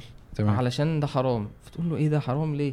آه طب آه لا، أنا شفت حلقة كلام. طب آه. ابعت لي الحلقة اللي انت شفتها فعلا أنا شفتها طب إيه رأيك إن إحنا طب ممكن نخفف مثلا الكلام والله ده بيحصل أيوة. طبعا صح لا نخ- الكلام ده. نخفف الكلام شوية مثلا نبقى نطمن على بعض كل مثلا شهر مرة مم. أنا عايز أقول لك أنت هترجع تاني يعني أنا بقول لك لخص الحوار مش لازم أبرر لها إن أنا والله تبت إلى الله ومش عارف على فكرة ممكن كتير من كتير من البنات بتبقى فاهمة إن أنت بتشتغلني كده. أيوه أيوه. يعني أنت أنت دلوقتي عايز تخلع عشان هو تصاحب هو واحدة فعلا ما يلتزمش بعد فترة. آه يعني أنت عايز تخلع عشان تصاحب واحدة تانية فبتحور وبتقول أنت آه، آه، تدينت. ففكك مني أنت دلوقتي بتحور. وأعرف ناس حصل معاها كده. يعني هو أقسم بالله ده أنا إيه؟ فعادي خلاص. يعني هو ممكن آه فعلا يبقى خلاص لدرجة إنه يا جماعة الراجل ده بقى يعني خلاص هو. أنت لسه بتحور. يعني أنت ب... فاهمني؟ فانا اقصد أنت إيه؟ اقطع الباب. ما تفتح أنت أنت أنت ممكن في لحظة إيمانك قوي في لحظة تانية إيمانك ضعيف ترجع تضعف تاني. ممكن أنت آه، شيطانك مش غالبك ممكن هي شيطانها يسوحها عليك تبعت لك رسالة خلاص تحن. أحيانا أنت بعدها هيبقى في خواطر هتجيلك وهتفتكرها ال- الوقت- وذكريات. الوقت عامل أساسي. وبعدين من النصايح ال- المهمة إن الذنب فيه تفاصيل كتير حواليه. يعني مثلا أماكن معينة. يعني أعرف شاب مثلا هو كان بيحب بنت وعاش معاها قصة طويلة. يعرف شباب كتير قوي آه معلش. ف... فدي نقطة مهمة بس معلش كتير من الناس ما بينتبهش ليها آه. إن هو كان بيقابلها مثلا في النادي مثلا. في مكان معين. وبيسمع مزيكا معينة وبيروح آه، أماكن معينة. معينة. في تفاصيل تفاصيل حوالين ال... العلاقة دي. أيوه. كل ده بيجيبه تاني. فهو أنا لسه بنزل النادي زي ما أنا ولسه بروح نفس الأماكن اللي ممكن أشوفها فيها. ولسه عادي بقعد كل شوية أدخل أشوف هي كتبت إيه على تويتر مم. وكتبت إيه. ولسه خارج من الانعاش. يا باشا أنت كده أنت مفيش أصلا. أنت كنا لسه لازم بنتكلم. تفاصيل. أنت هتعدي من الشارع. إيه ده؟ يا الشارع ده كنا واقفين فيه مع بعض. يا المكان ده كنا المطعم ده. يا ابني غير الأماكن. يعني أنت أيوة. محتاج إن أنت تنقل حياتك تماما آه، لحد لما تتعافى. سهلة, سهلة فترة فترة. طويلة. حلو. آه خليني أقول قول. حاجة أخيرة إنه في الأغلب يعني بنسبة آه من غير ما أعمل إحصائيات. عملت أنت واحد ممكن. نعمل إحصائيات إحنا يعني. بنسبة الرقم ده لسه مألفه 97 دلوقتي 97 و2 من 10% أيوة، أيوة. العلاقة اللي أنت فيها دي كده كده هتنتهي. ولو أنت ما سبتهاش هي احتمال تسيبك. انجز. الحق الحق. آه فعلا. تغدى بيه قبل ما تتعشى ده بيه بينفع مين بقى؟ ما أعرفش مين يشتريها اللي بينصحها بس ماشي. لو هو ما سابكيش العاطفيين. لو لو أنت ما سبتيهوش هو هيسيبك. ابعت اب- يعني انجزوا انجزوا بقى. عارف انجزوا. كأنك بتفتح باب وبترمي فيه قنبلة إيه وتقفله. يا عمان. افتح افتح الباب ارمي حازم ارمي حازم نهاية الحلقة. الحلقة غير حازم اول الحلقة. افتح الباب وارمي الحلقة ارمي لها الحلقة حلقة. واقفل الباب. خد الحلقة دي. طيب إحنا نقف هنا ونكمل المرة اللي جاية.